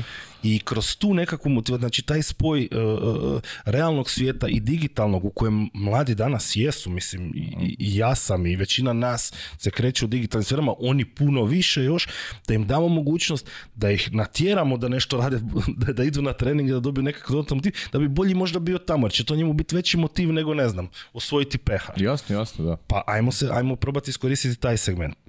Kažem, nisam vidio, možda griješim, ali nisam vidio puno sportova da se baš veže na taj segment mladih i da ih cilja kroz takve stvari da bi se bavili sportom i na neki način motivira da se bave tim sportom. Pa ćemo probati probat u nekakvom tom smjeru ići. A u ostalom to je opet neki, što kažem, tvoj digitalni CV kroz cijeli život, gdje ti ako si sa pet godina se upisao u klub, igrao si do 25. postao si sudac, ti imaš svoju personu i jedan digitalni CV vidi se vidi sve što si ti prošao kroz vaterpol i šta si sve radio u vaterpolu. Uh mhm. -huh. kad krenu klinci da se takmiče koliko beđeva ima, bit tako.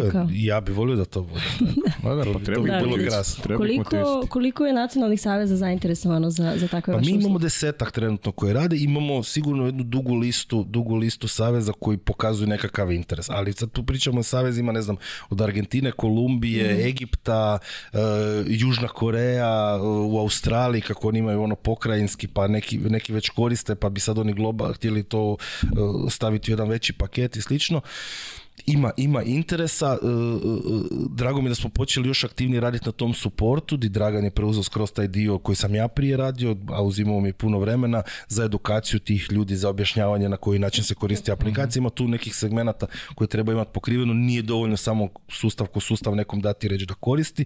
Treba ga motivira da koristi, on treba znati benefita sustava i na neki način da, da, da, mu to se isprezentira na pravi način.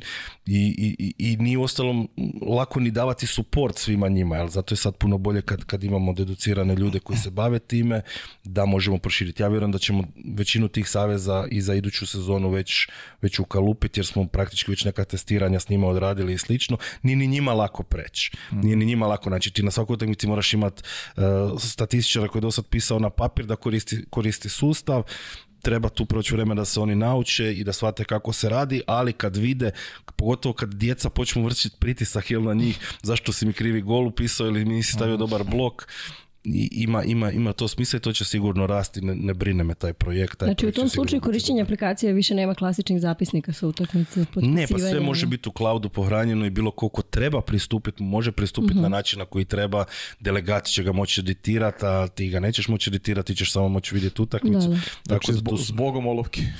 Ha, eto, tako to nekako ide u tom smjeru. Mm. A kaži mi, ko te ovako, ovaj, imaš neku, nekog saradnika, ajde, da kažem iz tih nekih, nazovi, egzotičnih zemalja u smislu nepoznavanja nekih vaterpol prilika sa naše strane, da te neko iznenadio sa, sa željom da se unapred, unapredi vaterpolo u dotičnoj zemlji, sad kaži e, ovaj, koja je to u pitanju, da je možda sport nije toliko razvijena, a postoji neki ozbiljni interes da da, da se Vatepolo predstavi neki, nekom boljem izdanju i da, i da to zaliči na, na, nešto što je dobro u nekom narodnom periodu. Pa evo recimo što se tiče baš, stvarno sam kroz, kroz ove godine upoznao puno tih vaterpolo entuzijasta uh iz cijelog svijeta. Recimo zanimljivo mi je Nordiska liga. To je natjec... liga. Tako mhm. je, natjecanje koje su organizirale Eh, eh, Rauli Jose, Jose inače španjolac koji živi u Štokolmu, tamo igra vaterpolu u Spifu, u lokalnom mhm. klubu. Eh, Raul je u Finskoj, Mhm. E, I oni su se dogovorili da organiziraju natjecanje Nordijske lige, pa su pozvali finske, danske i švedske klubove, pa su na to proširili na e, Latviju, e, pa su proširili na Poljsku. Mhm. Pardon. Tako da, sad ta Nordijska liga onako ima jedan zanimljiv broj, broj klubova mhm. gore sa sjevera i svake godine državaju natjecanje. Imaju juniorsko, imaju seniorsko, imaju žene i to se redovito mi ih podržavamo sa, sa sustavom, sa promocijom, maksimalno koliko možemo da im damo. I evo baš sam bio ove godine u Locu na završnica je bila njihovo mm nordijske lige, u Poljskoj je bila.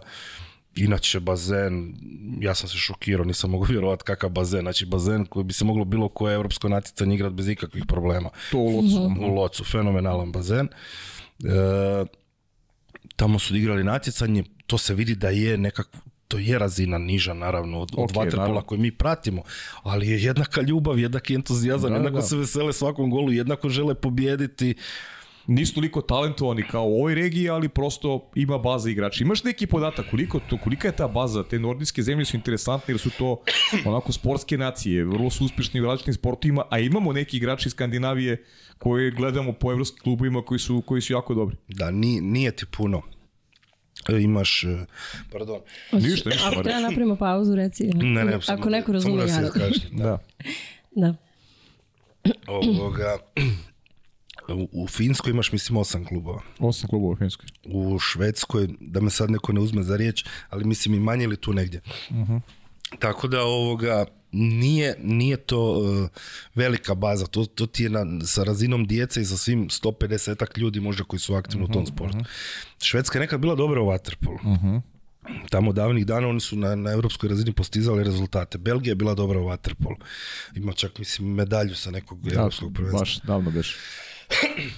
Ali ono što hoću reći, e, da, ali e, postoje opet ti entuzijasti, postoje ti ljudi koji to vole i žele igrat i koji su se spremni organizirati. Spremni su ponovo uložiti nekakve svoje novce, svoje vrijeme, mhm.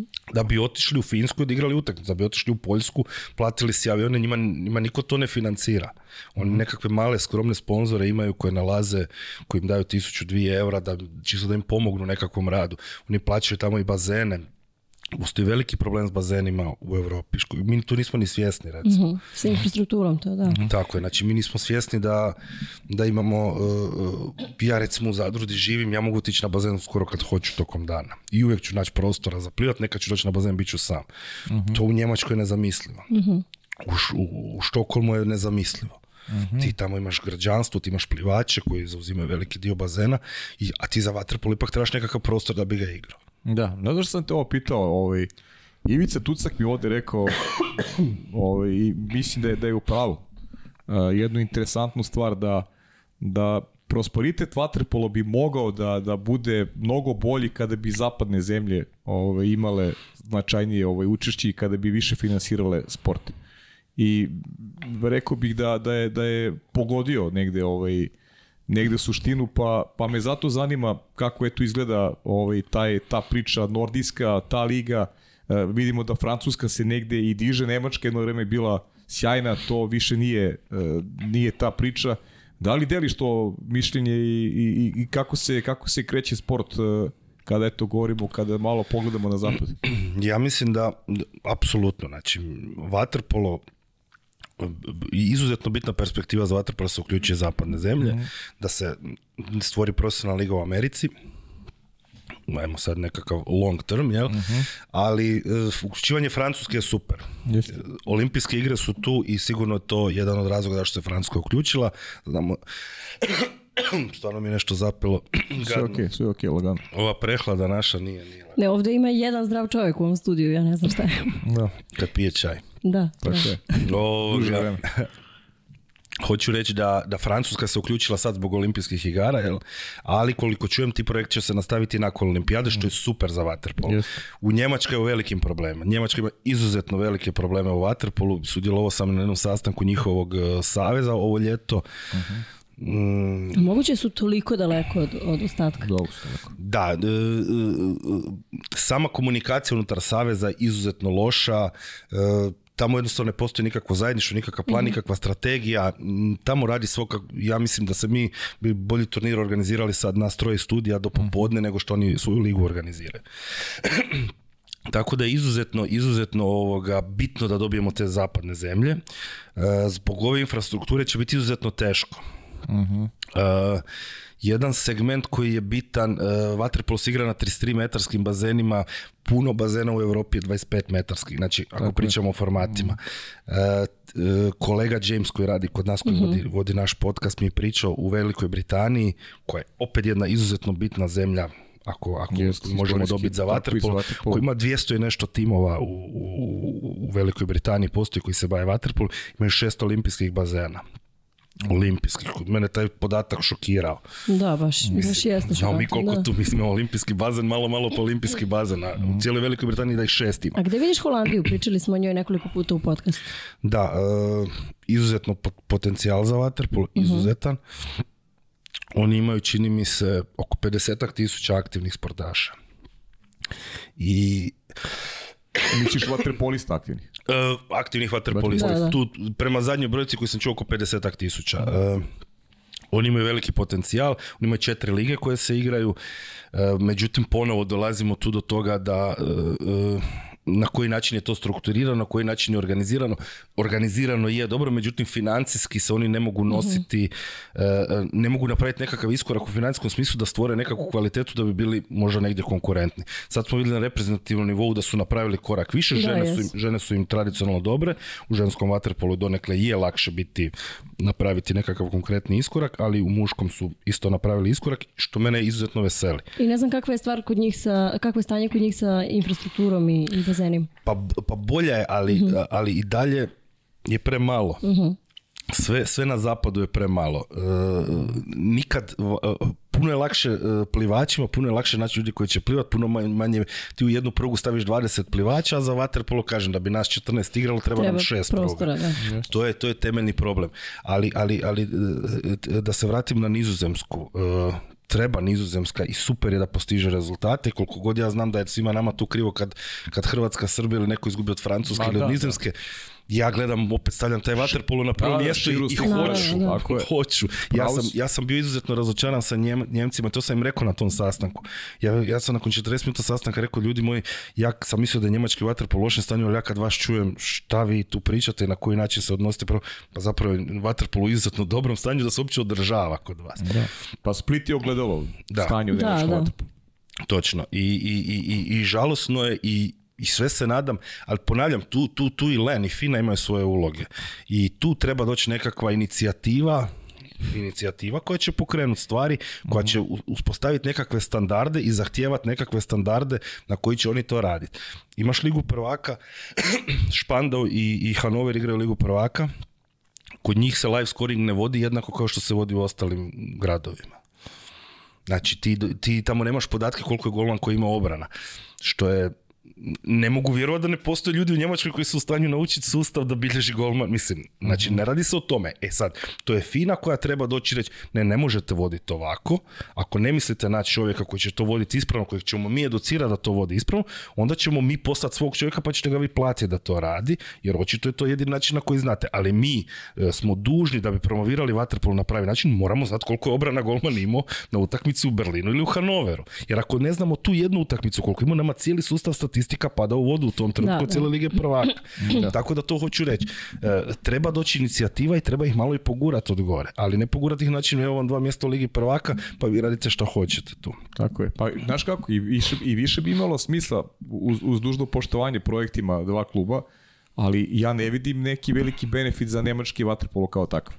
Jer ti kad pogledaš te rostere Španda i Hanovera već godinama nazad, to su uglavnom igrači svojih prostora. Točno. To je ono što je meni bila najveća zamjerka, ja sam veliki pobornik bio pro projekta Medveščaka, igranje u KHL-u, pošto mnogo volim hokej, ali šta je bila manjkavost tog projekta? Gde su hrvatski igrači?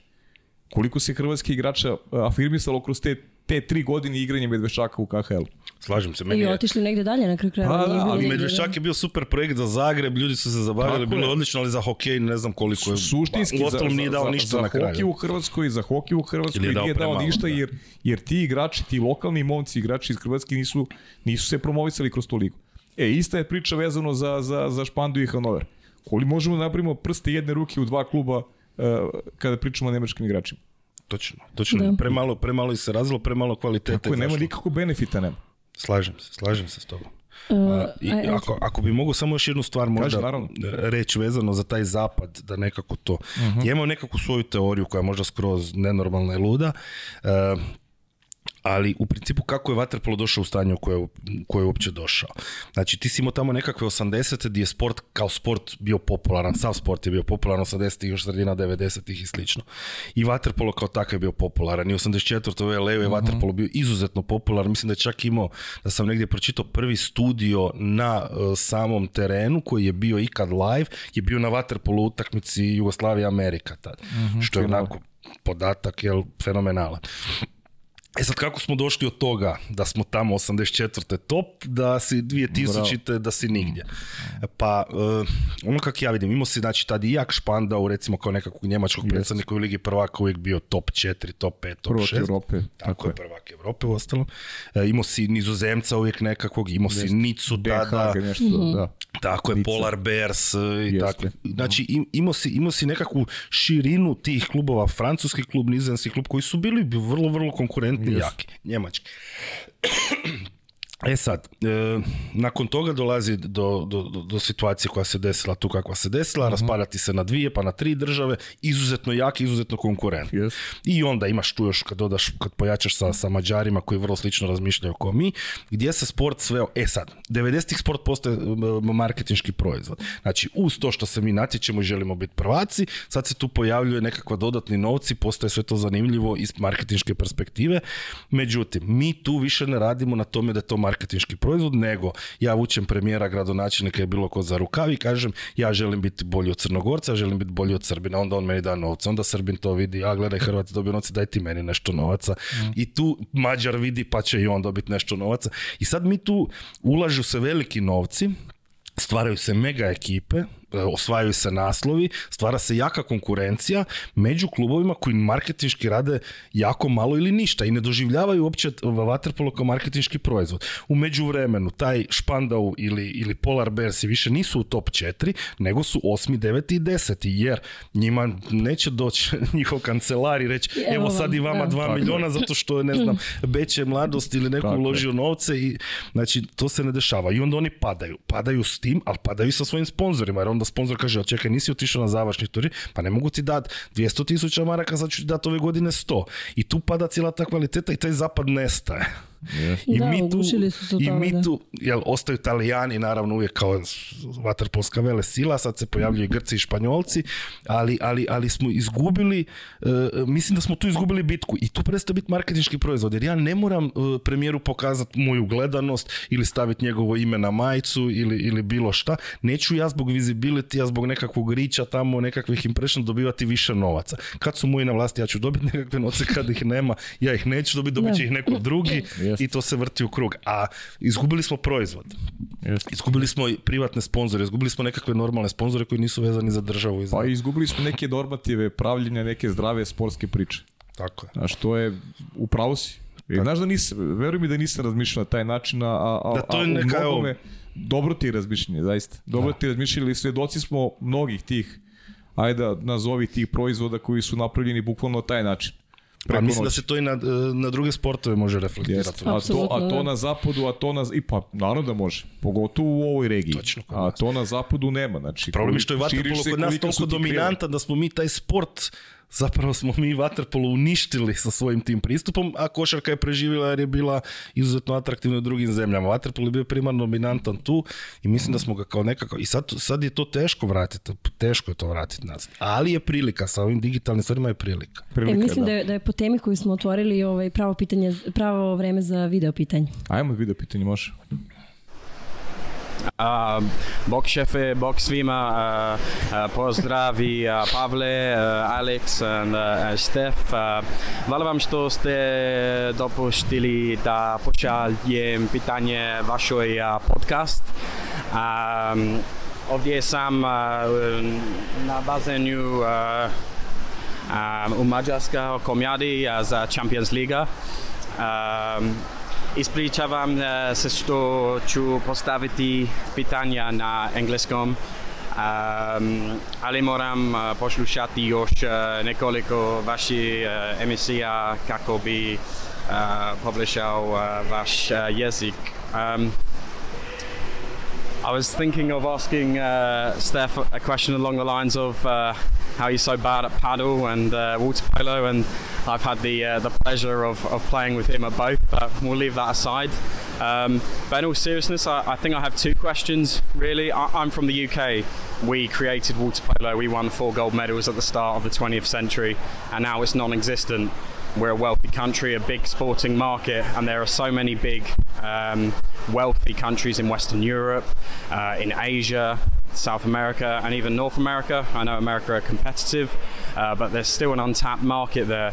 Um, I love coming to places like Hungary, Serbia, Croatia. Um, I, I, absolutely love it, but um, I think water polo at the moment is a little bit too concentrated seriously in those areas. So, so what can clubs, what can coaches, players, federations and national federations do to um, to reach out to the wider markets like the UK, wealthy countries like America, California are doing well, but it's not a nationwide sport really at the moment. And uh, my second question would be. Um, you're a very positive guy. Um, and but there is a lot of negativity about the sport, refereeing decisions, uh, bureaucracy from different organizations, clubs, leagues. Um, what would you say one positive it has been over the last 20 years in water polo? We need a bit of uh, a bit of positivity. So, what would you say?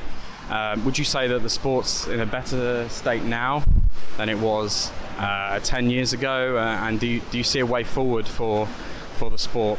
Um, I'm really sorry about the uh, the dodgy language uh, but um yoshi jednom nom puno uh, e vidimo se uh, uskoro u belgradu bravo E da, da se zahvalimo Jamesu, rekao je, izvinjavam se što izgledam ovoliko umor, umorno, ali sam previše radio ovih dana. Tako da ovaj, okrivit ćemo Marka. yeah, evo, normalno uvijek je šef Ti se je priznao.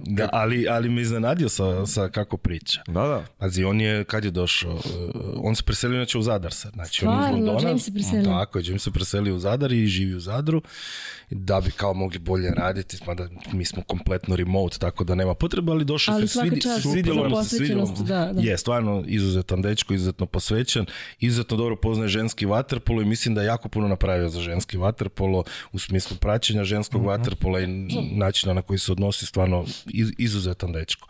Ali evo da ga pohvalim ovim putem, stvarno dosta dobro savladao jezik za početak, za par mjeseci, izvrsno. Koje je bilo, koliko je on postavio, on, on, uvijek, kad nešto pita mora to... Da, ali, pogotovo u ovom prvom segmentu ima više ove stvari. E, šta je bilo pa situacija u velikoj u njegovoj zemlji. U Velikoj Britaniji, da. malo si počeo. da, krenu, da, pitaš šta bi se moglo, šta bi se moglo napraviti. Kažem, Velika Britanija, u neke stvari možda ću spomenuti koje mi je on rekao, koje su me opet izuzetno iznenadile. Ženska e, ekipa u Velikoj Britaniji je sigurno jedna od top pet reprezentacija u Evropi. Ne znam, jeste to mhm. znali one nemaju novaca za otići na evropsko prvenstvo. Da kvalifikacije za evropsko prvenstvo za kojim treba 10.000 funti, one nemaju te novce jer im niko to ne da. Kapetanica engleske reprezentacije do prije par godina e, je bila igrala u Mataru, mislim bila kapetanica za brakinje Evrope postale ili sigurno visoko mhm. kotirale. Jedna znači, mala digresija, sećaš se za Split i žensku reprezentaciju Nemačke kako su prikupljale novac za, tako, za dolazak. Tako, Znači, da, to je nažalost nekako vaterpolo i sad pričamo baš o tim zapad zapadnim zemljama i vidimo šta se tu dešava. Znači da ti kvalitetom jednu od top 5 reprezentacija nemaš, zašto? Zato što nemaju novaca za otići na natjecanje to, to je trenutna situacija u kojoj Waterpolo je. A, a šta se može napraviti?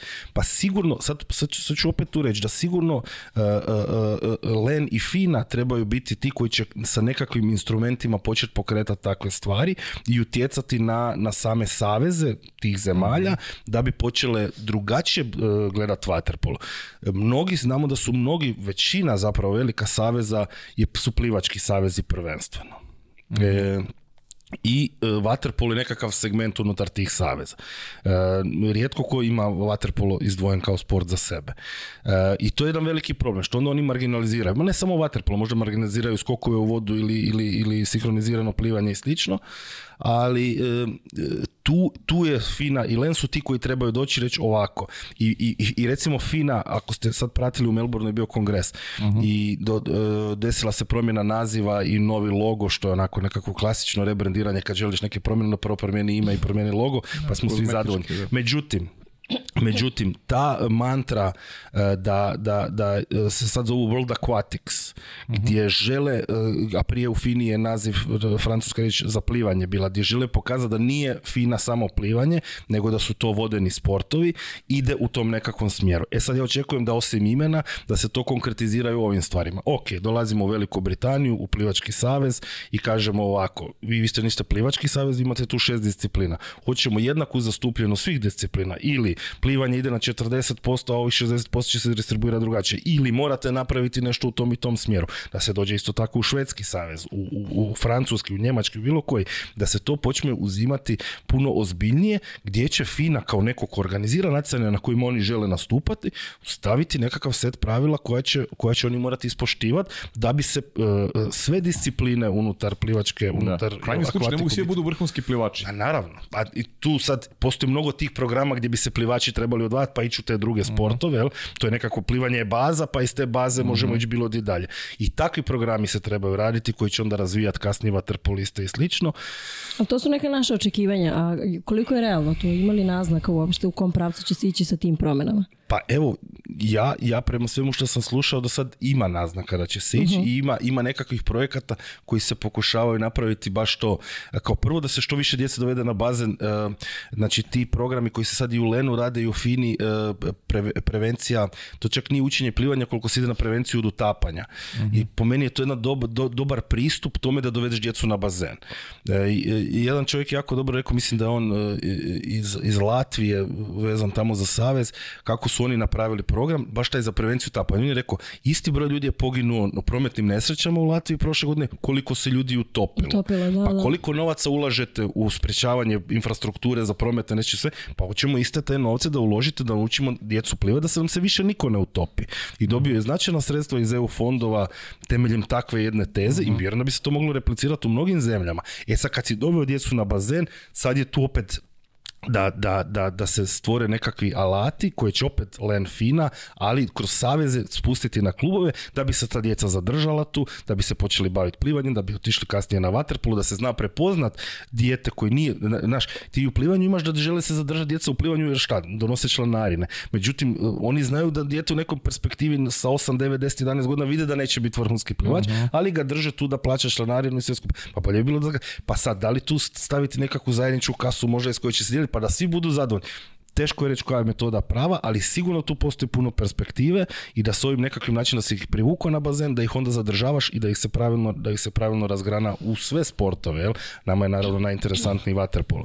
Mm. Ali, ali, ali kažem, za Veliku Britaniju Mm, eto, meni je, meni je žao što mislim da, da ta zemlja ima puno potencijala, ali evo, znamo kako je situacija u košarci kod njih. Tako Isto tako, ulaganja su nikakva, što je meni nevjerovatno za takvu, za jednu pa državu. Imaš, kad krenemo kolektivni sportovati i možemo da, da, da pričamo manje više svim sportima, s izuzetkom futbola. Pa samo futbol je da. To je, njima broj, to broj jedan, ali da baš nikakva ulaganja ne postoje od strane države u, u sport, ali kažem, ja bi ponovo to spustio, e, prebacio bi lopticu tu na Finu i na Len, koji moraju, koji, koji pa moraju... pa do, krovna organizacija, naravno, pa treba se bavi da. gorućim stvarima. I, I to, rad sa savezima, rad sa klubom. Ta interna komunikacija između Fina, Len, e, Fina, Len je štekala godinama godinama, tu nije postojala komunikacija. Kad ne postoji tu komunikacija, dalje nije postojala komunikacija len prema recimo evropskim savezima. I kad nema te komunikacije, a ta komunikacija je izuzetno bitna, ta vertikala da ide dole do kluba i do igrača. Ja se sjećam u jednom trenutku da sam pričao s nekim igračima promjene pravila, oni nisu nakon godinu i nešto dana znali, znali da su se promijenila pravila. Da. E, a to je kad nema komunikacije, a igraju na vrhunskoj razini, znači igraš svjetsko prvenstvo, ti ne znaš šta je peterac, šta nije peterac, mislim strašno. Ali, ali ta interna komunikacija je nešto na čemu se sad treba raditi. No, e, jako, je, jako. Interna komunikacija, marketing, sve ono što smo pričali, to, to je baš bilo problematično. Sve su to ide u, da, u sferu komunikacije. Tako. Šta ćemo sa Jamesom? Ovdje još pitanje pa postoje. Čekaj, bilo je drugo, da, bilo je drugo pitanje, rekao je da si jako pozitivan lik ali da, da ima mnogo negativnih stvari u sportu kojim se je. baviš, kako balansiraš između toga, kako uspevaš da, da ostaneš takav kakav jesi. Pa dobro, e, e, pa eto, baš ono što sam rekao, ja sam uvijek se trudio da budemo što više afirmativni, što više pozitivni i da što više stavimo igrače u fokus i, i trudit ću se i dalje. I onda ti, znaš, sigurno ti se nekad nakupi nekih stvari i kad ne ide sve kako bih tio i, i kad vidiš da i dalje postoji tu eh, ovo što sam rekao da me najviše smeta kad neko ne stavlja vaterpolo kao na mhm. prvo mjesto, a, a, a tu si i hranite taj sport i dajete sve, a ti nisi ga spreman staviti na prvo mjesto, to me nekad zasmeta, a onda s druge strane ta pozitiva, ne znam, kad odem na neko natjecanje ili mi se javi neko, neko od igrača sa porukom i on iz ničega kaže samo hvala vam puno što radite, ovo ovo nam puno znači, onda, onda dobiješ uvijek taj neki dodatni motiv. I mi vrlo često dobijamo te nekakve dodatne motive. Kad smo sad bili u Podgorici na natjecanju juniorskom, pa ti mladi igrači, e, kol, kad vidiš koliko to njima znači, da, da ih neko snima, da ih neko nešto pita, da, da, neko, da se neko bavi njima, to njima puno znači onda, da je sve lakše, onda prolaze mjeseci da bez problema možeš sve raditi. Da, ali ovaj možemo i mi da pričamo bukvalno isto, isto što je rekao Marko važi i za nas bukvalno. Pa I to ovaj je nešto deo... što razdrži što će da yes. ne postoji šansa da me ovaj da me ovaj neko ubedi da, da treba da bude drugačiji. I ovaj deo u kome se bavimo kritikama i analitičkim momentima ili kritikama koje su upućene direktno nekome na račun, to nisu negativni delovi našeg posla, naprotiv trebalo bi da i to proizvede neki pozitivan uticaj ukoliko se prihvati ja se slažem.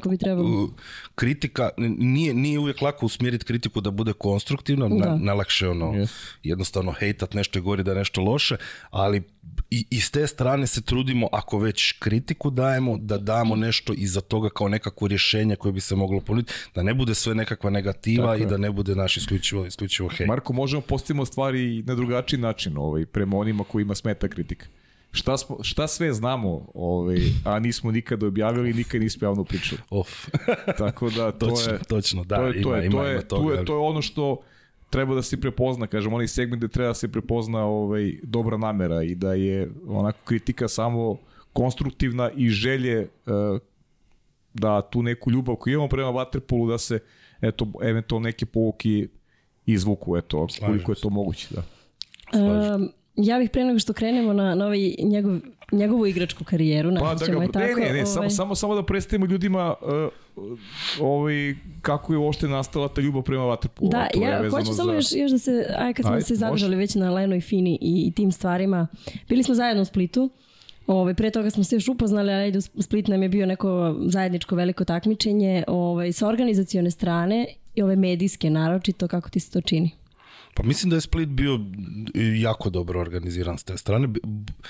Pazi ovako, e, mislim da e, sva natjecanja koja se održavaju Mađarska, Srbija, Crna Gora, Hrvatska, da je tu ipak jedna viša razina e, organizacije nego što tipa čuo sam, nisam bio do duše, ali čuo sam u Francuskoj ove godine svjetska liga, super liga finale, to je bilo izuzetno loše organizirano. Mhm. Ali Ali mislim da je za to zaslužna lokalna ekipa ljudi. Pa da, ipak imamo nekakvo iskustvo i, i, i, i radili smo dosta tih nacanja i tu se je razmijenilo dosta informacija. Ja znam da je kad je bilo evropsko prvenstvo i, i, i prvenstvo svako su se tu održala, uh mhm. sve se to nekako razmijenjuju te informacije i nekako se i pomaže jedni drugima, što je super i pazi, atmosfera uh, u Splitu je bila fenomenalna. I, i svaka manjkavost kad imaš onakvu atmosferu padne u drugi plan. Ali mislim da je bilo sve u svemu dosta, dosta dobro organizirano, barem sa naše novinarske strane.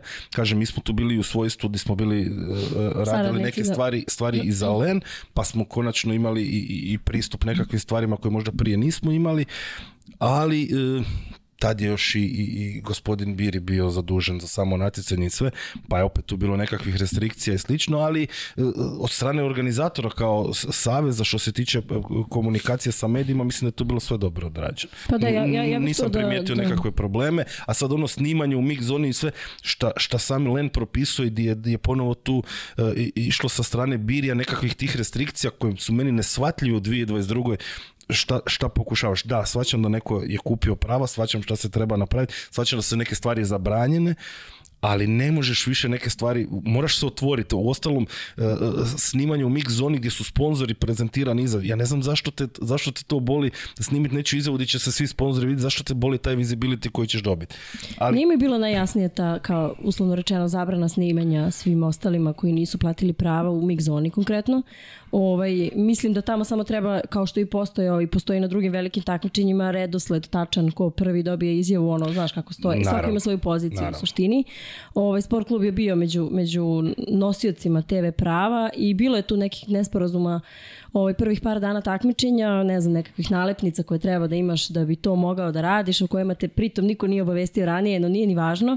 Meni je najčudnije bilo što je uopšte gospodin Biri prisutan u toj mig zoni nakon svake utakmice koja se dogodi, jer mislim da za to zaista treba postoje ljudi koji će to raditi da bi sve funkcionisalo onako kako treba. Ali užasno sam ono zahvalna toj lokalnoj ekipi momaka i devojaka Hrvatskog saveza, angažovanih od strane saveza, da sve to sprovedu u delo i stvarno smo na kraju svega toga svi izlazili zadovoljni iz mig zone, kako god to izgledalo onako bilo je puno i volontera i ljudi koji su se dali i stvarno su bili vrlo Tako da mislim da je ta lokalna ekipa odradila sjajan posao i da njih nije... I nekako smo se u tom pres centru osetili prilično kao kod kuće, doduše turni drugo, dugo traje pa ti to postane bila je, mislim onako... da je dobra atmosfera bila u yes, centru. Yes. Mislim da smo se svi lijepo družili i zabavljali. Da je bilo... Pr pratili to, smo, možda, to samo vi znate. Pratili smo Eurobasket malo, malo sa, nismo. Samo vi znate kako je bilo, tako da... da. E, evo da je pravite sad zazubice, ajde, ajde, ovaj, Valjda ste evocirali ovu uspomenu, ajde. Okrećemo se, pa bit će još uspomena valjda polako. O, ovaj, okrećemo se o ovim tvojim igračkim danima. Hoćeš da nam se predstaviš kao igrač. Ko je Marko Štefanek kao vaterpolista? I otkud, more. Pa da, ja bi možda više, ne, mogu ja reći da imam neku igračku karijeru, ali više možda kako je ta ljubav došla što pa sam spomenuo mhm. prema Waterpolu. To može, evo, recimo, biti zanimljivo s obzirom na to čim se bavimo i tako. E, znači, ja sam doslovce od, od, od, malena uz bazen. Meni je majka moja radila na mladosti na Savi mhm. u, uredu, a, a, a očuh moj Mhm. od koje, s kojim sam od malena i živio, do neke 15. 16. godine, tad bio eh, direktor ili predsjednik Vaterpolo kluba Mladost, kasnije u Savezu. Mhm. I tako da sam ja praktički na bazenu i živio sam blizu bazena i stalno sam bio na bazenu. I neke prve moje emocije su vezane uz miris klora, vjerojatno. Mhm. tako da ovoga, nikako se nije moglo pobjeći od toga. Ja sam od malena već, znači 3-4 godine, za vrijeme utakmica, sjećam se, to je bilo tamo 89. 90. Milanović je igrao, uh cijela mhm. ta generacija jel, e, e, mladosti koja je bila izvrsna ekipa tad. E, bi provodio ili u uredu prije utakmica ili uz bazena dok su bile utakmice i ja sam sa šest godina već počeo trenirati u mladosti i prvi trener mi je recimo bio Ozren Bonačić, legenda. da, legend. On je tad baš nas najmlađe vodio dosad ono dječica, dječica koji bi došli jutro u šest i počeli bi plivati. I on bi obično zas gledao bi nas malo da ili plivamo, onda bi malo ubio oko. Ali, ali kasnije on ponovo vodio mladost i svoje trofeje mhm. izvrstan. E, tako da, eto, bio sam u mladosti, proveo sam prekrasne dane, to, to nekako djetinstvo uz vaterpolu, vjerujem kao i bilo koji drugi sport, da ti daje uspomene za cijeli život i prijatelje za cijeli život. Tamo sam bio do nekakve 18. godine, znači počeo sam i trenirati s prvom ekipom.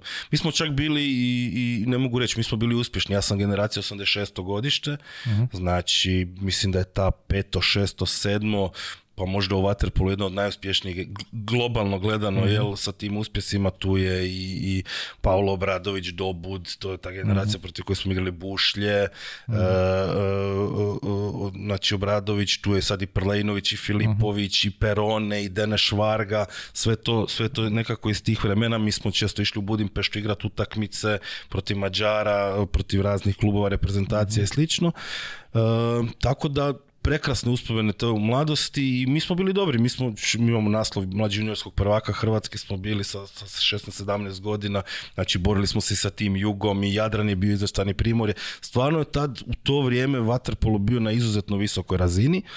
I naravno da ne mogu svi uspjeti u tom sportu. I da. vjerujem da mnogi su se čak iz te moje generacije malo razočarali kada nisu uspjeli i tu je po meni nekakav veliki isto problem vaterpola što taj srednji sloj vaterpola je nestao. tako mhm.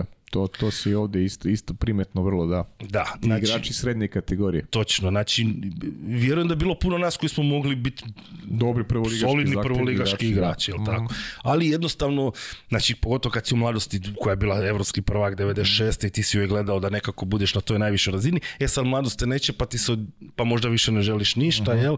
Nismo bili zadovoljni čak ni s nekim odlukama, tad su se kupovali neki igrači za koje smo smatrali da mi mlađi bi mogli ući u tu ekipu.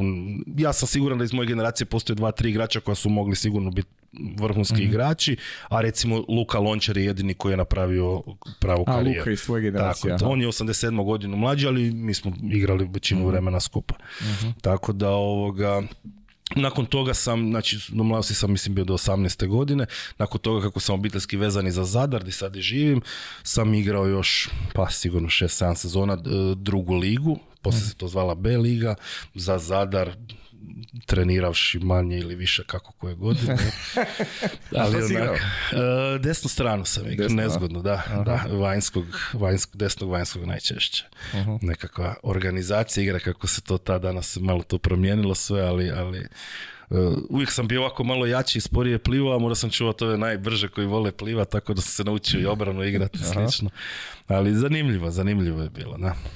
Kako si, ona generacija Šimenca, Perice Bukića, Igora Milanovića, ili pričaš danas sa njima ovaj, o, pa, tim vremenima? I pazi, oni, oni se svi mene sjećaju još iz tog vremena kad sam jako djeta Tako tamo. Čak, čak ima postoji nekakva kazeta, ono VHS, ne znam više ni koje prvenstvo, ja sam imao, ja mislim, tri godine. E, e, Dudo i, Bukić su tada prije ili po, se vratili sa nekog svjetskog prvenstva ili nešto i onda je bila ona emisija Z3 na televiziji kod nas i kao trebao si doći sa nekom djecom. Mislim da je Pero pozvao nečaka, a Dudo da je uzeo mene, ili tako je neka kombinacija bila. I onda sam tamo u studiju bio s njima, mislim. Ali, ali da, mislim, e, ja, ja to, mislim, ono ko dijete pamtiš puno više vjerojatno tih stvari stvari nego što ih pamtim danas. I ono, to su meni sve nekakve uspomene gledanja tih igrača i, i pa, pa kažem, prva sjećanja su im baš ta, negdje 89 90 kad se već sjećam tih ekipa, pa kasnije onda do, do 96 7 koji su sve igrači i Žolt Varga igrao jednom periodu. Žolt Varga jeste, da. Tako je, Revaš, Revaš Čomakidze, to su sve bili ono centri, mi smo to gledali, ono, straho poštovanje, to su stvarno bili idoli kojima smo se mi divili, uopće biti na tom istom bazenu i trenirati su oni trenirali, mi smo to, stvarno je bilo onako poseban Ja vjerujem i nadam se da, da, da danas igrači koji igraju vaterpolu da mogu isto to izazvati kod, kod djece koja, koja opet dolaze na bazen i siguran da, sam da izazivaju. Siguran sam da izazivaju. Tako da to su stvarno onako lijepa nostalgična vremena nekakva di, sjećam se i atmosfera na mladosti recimo, tamo bi bilo po 3-4 nisi mogao kartu kupiti, to, to je koncert, Severina bi pjevala između četvrtina, mislim ono, to, je tada tako bilo. Bio je prestiž doći na vaterpolu. Ali sport općenito u Zagrebu, ta, ti bi išao, ne znam, sa rukometa na, na oni bi se svi međusobno dogovarali da ne igraju istim terminima, nego da ljudi mogu se posjetiti više događaja istovremeno. Ja sam Košarka. gledao Medvečak 89. recimo neki u Zagrebu, puna dvorana, da. hokej, da. puna.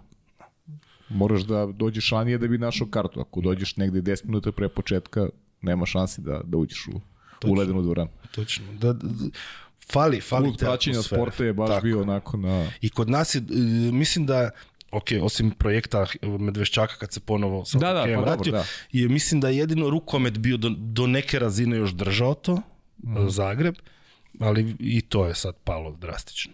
Mhm. Da, Mara je danas novinarstvo, iako izvorno Pa Dudaš ima, eto, Dudaš ima novinarstvo, nisi ni bio ni svestan tada. Da, kada da, imao si godinu tačaka i tada. da, Ove, ovaj, kako, šta, misliš o tome, ajde, o stanju, ajde sportskog, pričat ćemo o sportskom novinarstvu, da ne širimo, previše bi bilo na, na ovo ostalo. E, znamo sad svi mi ovde i u regionu je takva priča koliko je degradirano, koliko E, kvalitetnih, stvarno kvalitetnih sadržaja ima, da li ga pratimo na TV-u ili više i dalje u štampi, onda ova forma podcasta koja je onako prilično postala, ja kažem, korisna i zanimljiva svima nama. E, šta misliš kako, kako je stanje sada i kako će se odvijati u budućnosti? Pa ne znam, ja sigurno, sigurno ovo što trendovi pokazuju da se ide na te nekakve kraće e, vizualne formate svega da li će to, da li ono idemo po nekakvim krivuljama pa će to sad u nekom trenutku biti na piku pa će se ljudi početi vraćati nekakvim starijim vrijednostima i početi ih za sigurno će postati retro ekipa koja će zanimati opet ili nešto kako je bilo prije, ali sigurno da idemo na kraće formate, sigurno pa nogomet ima problem što su oni sad radili analize da, da, mladi ne gledaju 90 minuta više utakmice nego žele gledati 12 minuta ili zadnjih 10 minuta. Tako da sigurno idemo na kraće formate, sigurno idemo na, na video sadržaj, sigurno sigurno uh, intenzivniji mora biti taj podražaj koji ti sadržaj daje, ajmo to tako mhm. reći. E, ja ono što mislim da nije dobro za bilo koji sport, a sad i nogomet želi ići u tom smjeru je povećanje broja natjecanja. Uh, bi za to veliki problem vaterpola da mi imamo tri svjetska prvenstva u godinu i po dana. Tako je. Uh, nogomet sad želi preći na dva, kao svake druge godine, ti sad kad gledaš ovo svjetsko prvenstvo i kad bilo koju izjavu bilo kojeg igrača čuješ, svaka kaže ne igram svjetsko prvenstvo svaki dan, znači dosta imaš možda tri utakmice u cijeloj karijeri koje ćeš igrati na svjetskom prvenstvu ako si neka manja država, eventualno 10, ali to su takvi mali broj utakmica s obzirom na cijelu tvoju karijeru i sad ti to želiš uduplati ili puta tri, puta četiri stvoriti, više će se izgubiti ta draži. I ja nikako ne vidim nikakav benefit u tome da neko može biti svjetski prvak svake godine. Svake godine, da. Pa ne, to je samo opet, sad se vraćamo na, to su samo interesi. Tako, to je trenutno lova, ali, ali, ali, ali dugoročno ja mislim da, da, da će to padati. Pa da, sport nema nikakve benefit. Ja sam siguran da će FIFA uh, profitirat, mislim, sad, ko sam ja da govorim, da, da FIFA u pravu nije, ali, ali sam siguran da, da, da, da, da, da će na prvo dva, tri, četiri nacanja on imat veliki benefit financijski od svega toga. Da li će se mladi iz neke dosad okrenuti prema nekakvim drugim nekim drugim sportovima, e-sportovima ili slično, jer im ovo neće neće više biti zanimljivo na taj način. Pa prezasićeni smo i sada sportom, Pa ne, ali ne ajmo da pričamo iz, iz pozicije igrača. Oh. Karijere će kraće da traju. Um, evo, pogledaj sad ove momke koji, evo, aj, aj samo vat na vat, pa se fokusiram Ti si ove godine dobio svetsko i evropsko šampiona. Da. Ti ćeš u sledećeg godine ponovno da imaš svetsko i evropsko šampiona. Dve godine. Pa će da imaš u januaru mesecu u olimpijskoj godini još jedno svjetsko prvenstvo. Točno. Mislim, u čemu se radi? I sad ti do, eh, do leta 2024. godine kako razmišlja igrač.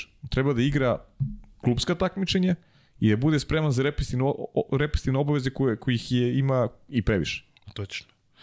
Uh, prvo za zdravlje nije dobro, kao znači taj cijeli raspored e, i način na koji se igra utakmice u waterpolu je ako ništa drugo, idemo gledati iz perspektive zdravlja nezdravi za, za, za dečke koji, to, Koji, se time bave.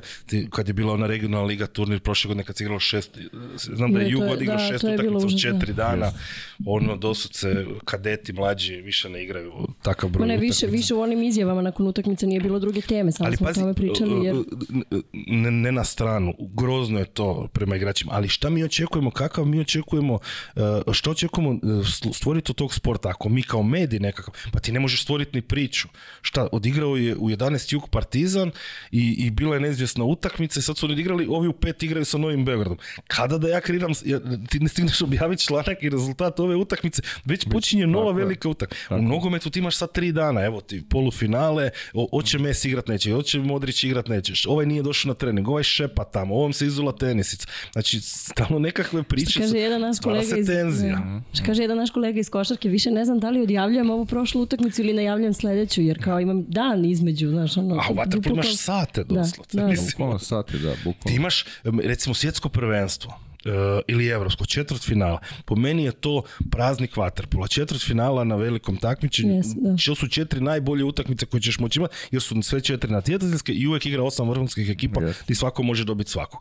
One nemaš pet, ne stigneš na WC otići po sedne utakmice, već ti počinje druga. A da ne pričamo o Budimpešti, mi smo bili u Budimpešti, ona, ona utakmica Srbija-Hrvatska koja se igra u, ne znam, u terminu gde, ja ne znam, ne može se gleda, ja ne znam kako igračima, mi smo ni stigli ni da pričamo posle, posle utakmica, ali, ali uslovi su... A bila je jedna i pre toga u terminu od jedan, ja mislim. Imaš dve svetske reprezentacije, da, imaš dve svetske reprezentacije koje igraju po najvećoj vrućini, uh, gleda ih, gleda, koji ih gleda? Gleda ih, gleda ih porodice i novinari gledaju. Točno ili spajmo si i Ligu prvaka prošle godine e, pro Reko Barceloneta, igralo se u koliko četiri popodne isto, u četvrtak. Pa to ne mogu, ne mogu doći ni obitelj, ne može doći neko radi. Bukvalno, mislim. Znači nije bilo 200 ljudi na tribinu. E, to su Najbolja utakmica klubska prošle sezone definitivno koja je odigrana. Jest, jest četiri popodne između dvije nekakve utakmice. Odradilo se isto ko Hanover kad igra tako od igre Proreko i, i, i Barcelona. E, to je također za novi saziv, da recimo kad si već igra na imaš tu vrstu privilegije, igraš na otvoren, pa dajte ljudi dva, četiri finala u dva dana. Tako je. Da imate udarne termine, da dođe publika to da gleda, a ne da radite protiv sporta ono prva utakmica Grčka je igrala sa, sa Amerikom, igrala u, u 11. U, u ili 11 u 1. ili u 1, ja mislim. Da, u 1, da. u 1, u 1 je bilo, da. Ko će ti ide na bazen da gleda po, po, ono, po onoj vrućini? Mi smo jedva došli do bazena. Točno. Jedva si odgleda utakmicu. Ono, sav muran, znojav, nikakav. A, pa, Loviš neki hlad. Nabacili boju malo. Da, da. da. Ne, mislim, to, a bukvalno ne, možeš nema, ni, ne ide da nađeš hlad. Na, je. Katastrofa. Bio sam, znam kako. Bio. Baš sam bio na toj da. utakmici. Bili smo i mi. Ružno, Ali ružno. smo bili na, na dva različite mjesta, očigledno. Da. Nismo se videli. Da, ja sam ulovio malo hlad. Jesi ja. Jesam, da. Ti si se znašao bolje. ali, ali, a, kakva utakmica? Kakva utakmica? utakmica? Opet imaš te Amerikance koje treba što više promovirati, jer ti treba ta Amerika, treba ti 2028.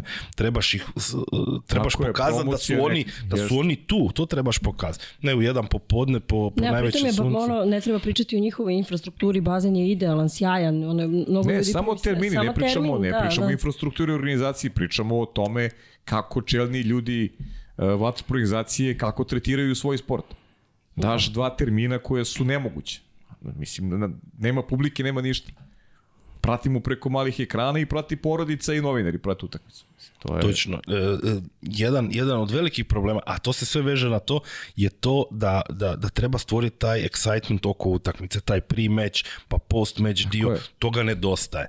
I, ja bih volio da mi u Total Waterpolu se možemo više fokusirati čak na te stvari. Mhm. Ali nemate vremena.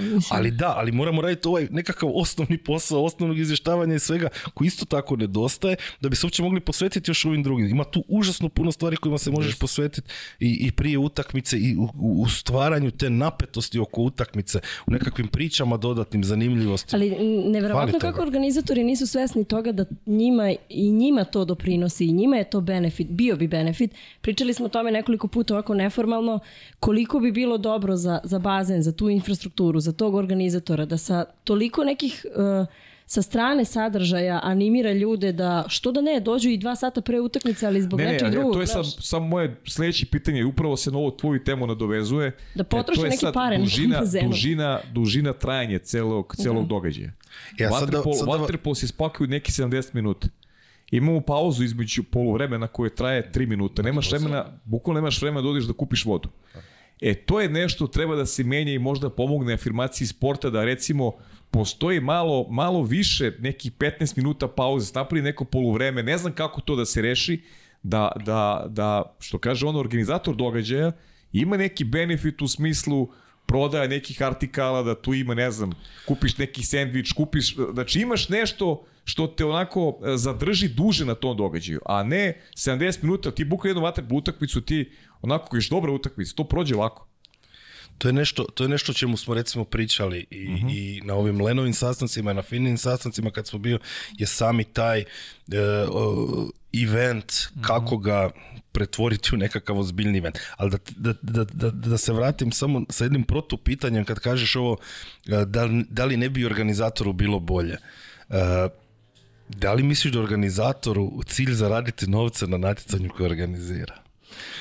Pa mislim da da, trebalo bi biti. Pa ja smatram da bi to bilo normalno, ali ja nisam to iskreno ne znam, nisam bio na A šta je cilj? Pa e, većina želi domaćinstvo zbog prednosti nekakve domaćeg terena i, i nažalost naš sport je u, tom segmentu trenutno. Znači dobit ćeš nekakve novce od grada, dobit ćeš nekakve novce od države kad to organiziraš, povući ćeš nekakva sredstva dodatna, ali samo prikupljanje dodatnih sredstava kroz sadržaj sami tamo, kroz sponzorstva, ponovo ne postoji. Tu se sad opet vraćamo na ono... Na početak priče. Tako je, vraćamo se na početak da ti, e, e, e, niko ne traži nekakvog sponzora koji će sad doći, ne znam, Coca-Cola, da sad ne sponzoriram, ali pivu e, nekakvu ili nešto da dovede tamo, da da, nekakav dodatan sadržaj da zarađuje novce od toga, da dovede više ljudi.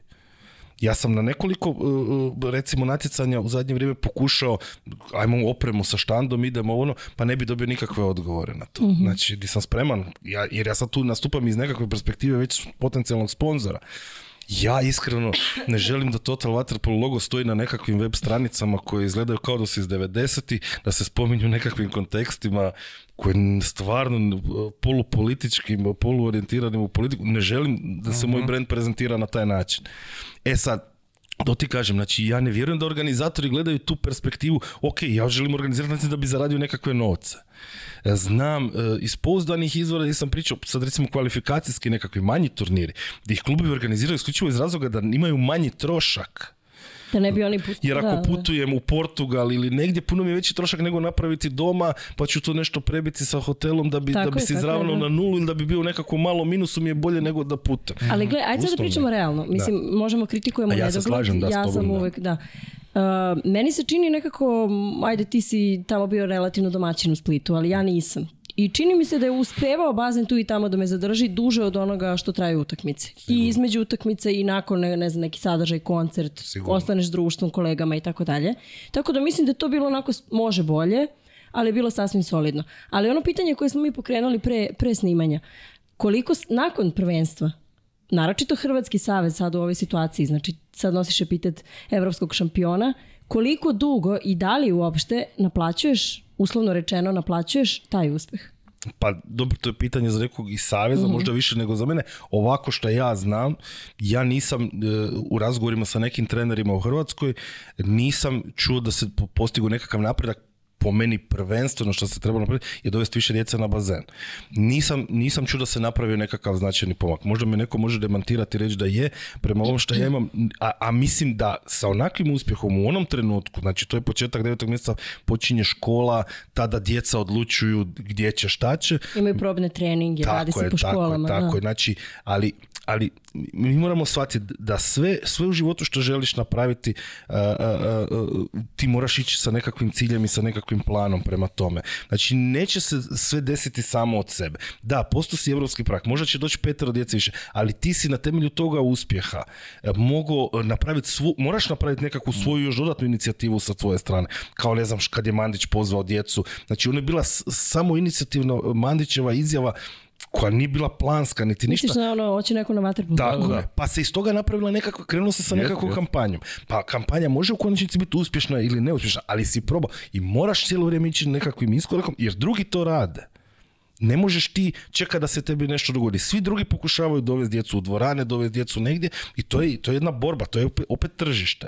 I, I, ti opet, ali moraš, moraš biti proaktivan u tome. Nije dovoljno da ti se dogodi nekakav uspjeh jer ti nisi nogomet. Ti da, nisi u Hrvatskoj svi i dalje hoće ići na nogomet. Već e, od 98. svi žele ići na pa nogomet. moramo priznati da i rezultatski imate razloga.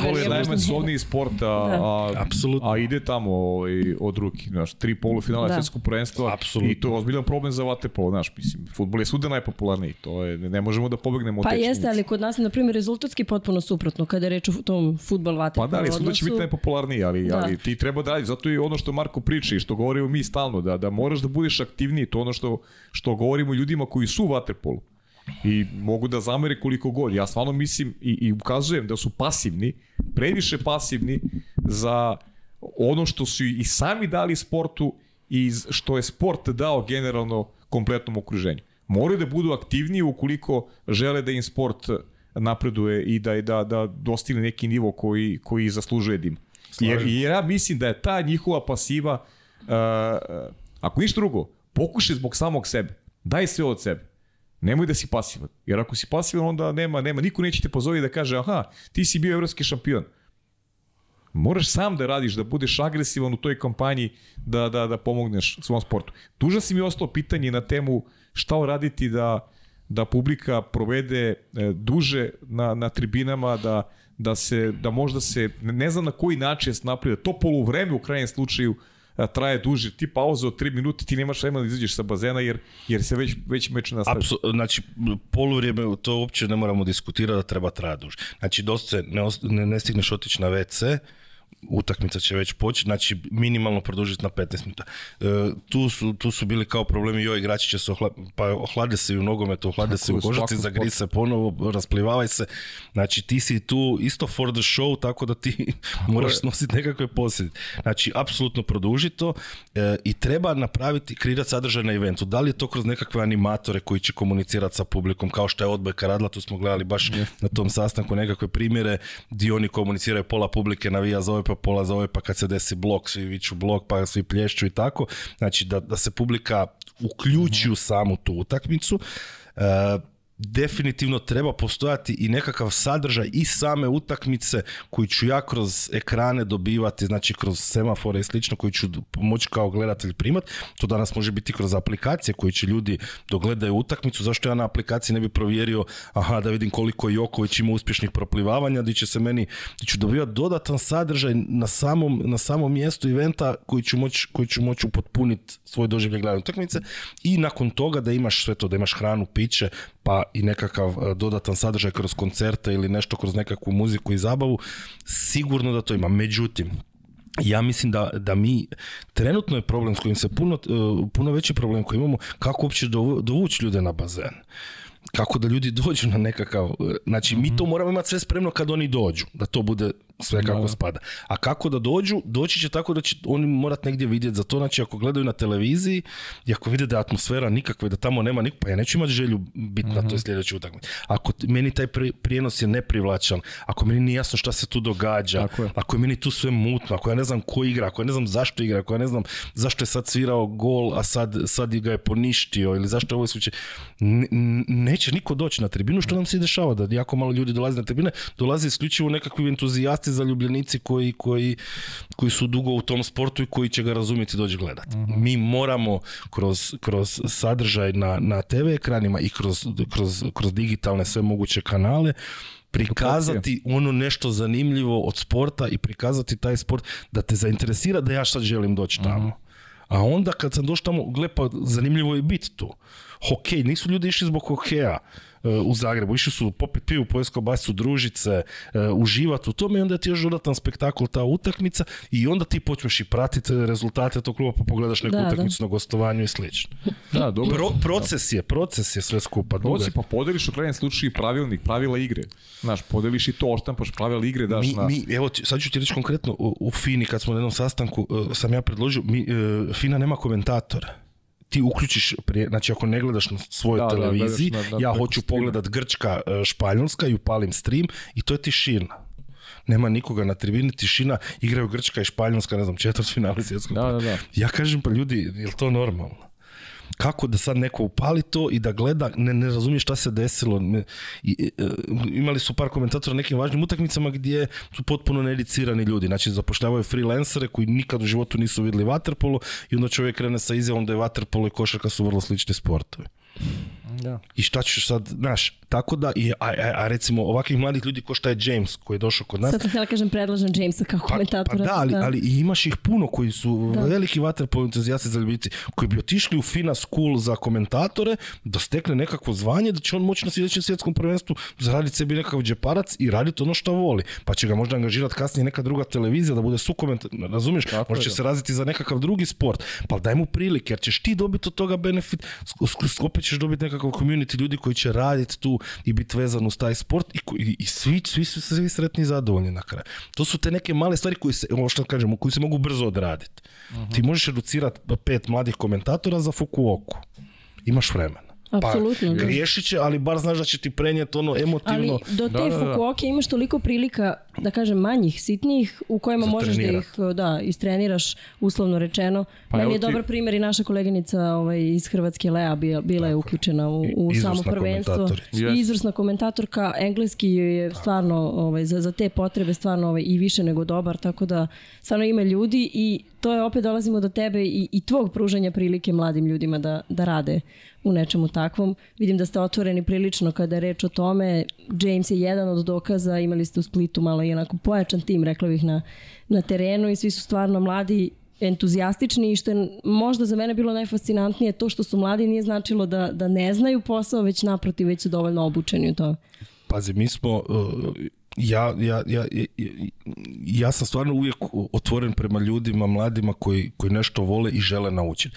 Pa sad i samo to da ti koju količinu predznanja posjeduješ da bi nešto radio, u konačnici nije bitno da ćeš ti to anulirati željom i, i, i željom e, da, da ti savladaš prepe kao James kao da je on znao koristiti WordPress, editirati slike ili raditi bilo što. Nije, ali na, to su sve stvari koje ti lako naučiš kad imaš želju da ih naučiš da budeš dobar u ono što radiš. To je samo veština koja ti postane Točno. I sad ako ti imaš ljubav prema vaterpolu, prema sportu općenito, e, ako imaš bilo kakav interes prema nečem drugom, mi, kod nas su takvi ljudi uvijek dobrodošli. S tim da mi, e, ja sam jako puno ponuda za, od ljudi za volontiranje koje sam ja odbijao, jer nismo bili, ja, ja smatram da ako se dogovorimo da trebaš biti plaćen za nešto, ja želim da budeš plaćen. Pa koliko mogu, koliko mogu, mogu, ali ne želim da radiš nešto za besplatno samo zato, eto, sve poštujem, isticanje iskustva i sve to poštujem i to su super namjere, ali ja nekako volim da, da, da se ipak ispoštujemo do kraja na način, evo, radio si nešto pa ćeš biti plaćen za to. Tako da, da e, pa evo, mogu iskoristiti ovu priliku. Ako ima mladih ljudi koji, koji vide Total Waterpolo i vole vaterpolo i žele biti dio toga, neka se jave ako postoji ikakva prilika. Mi uvijek i po određenim lokacijama i gradovima tražimo ljude koji honorarno mogu nešto odraditi. Nekad nam treba, ne znam, otići na nekakvu utakmicu, možda voditi live scoring ili uzeti nekakve izjave ili otići napraviti intervju sa nekim igračem u gradu. Da pače, nek se jave, mi smo uvijek otvoreni za sve i da pače, suradnja super. uvijek dobro Hoćemo da pređemo na pitanja sa društvenih mreža polako. Hoćemo da pređemo, ali i pre nego što pređemo na pitanja, uh, Marko ima u rukama nešto što nam je poklonio, pa ja mhm. bih volao da, da nam ispriča ovaj, o čemu se radi. E, ovo su, ovo su jedna kupaće gaće koje, koje smo radili za klub u kojem e, trenutno mi iz Total Waterpola igramo u Zadru, jel? Mhm. I James sada igra za njih James također. Zato se on preselio u stvari. Tako je, da, može, da konačno negdje može igrati. karijer, pa nije mogu u Britaniji, mora dođi u Zadar. Da, na, uglavnom jedan, ali zanimljiva je priča. U, Zadru postoji Waterpolo klub Zadar, jel? A ovo je jedna ekipa entuzijasta, ljudi koji nisu igrali Waterpolo prije, koji su osnovali ovaj klub. Mhm. Znači, ljudi koji bi ljeti igrali e, ljetne turnire i koji bi, koji bi se ovako okupljali jer su stvorili ljubav neka nekako prema Waterpolu su počeli odlaziti na bazen i trenirati tri put jedno da bi igrali Waterpolo, pa smo im se priključili mi neki bivši i sad je to jedna onako vrlo interesantna skupina ljudi koji više od svega voli popiti pojest, a onda se malo baviti Waterpolom u slobodno vrijeme i onako to su vrlo, vrlo zdrave i zanimljive priče i, i, i dosta se družimo i sa drugim ekipama, idemo tu na regionalno na turnire, mi čak sad sami tu organiziramo jedan veteranski turnir, su organiziramo u Herceg Novom, i to su, to su, to su super priče, upoznat ljude iz inozemstva koji svi dijele ljubav prema vaterpolu, u konačnici i i taj segment druženja nakon samog turnira uvijek bude jako o, to zanimljiv. Je najzanimljivije, pogotovo pa za veterane. Da, kako da ti kažem, eto nas u Zadru. Pa ja, ja, ja, se smatram sad deo... Ovaj... Tako je, ti sad imaš opremu, ti možeš doći kad hoćeš. Mogu i da igram, dobro. Ja ću biti strane, gledat ću. Dobro. Kad smo kod popiti i pojesti, tu ću ja biti. ovaj, da, ja imam puno pitanja sa društvenih. Mislim, puno, više nego, nego inače. To me baš iznenadilo. Samo napred, ima, mnogo pitanja, zaista. Uh, Lakić Andrej kaže četiri sata da traje. Pa neće baš četiri, ali tu smo negde. Na pola put? Da.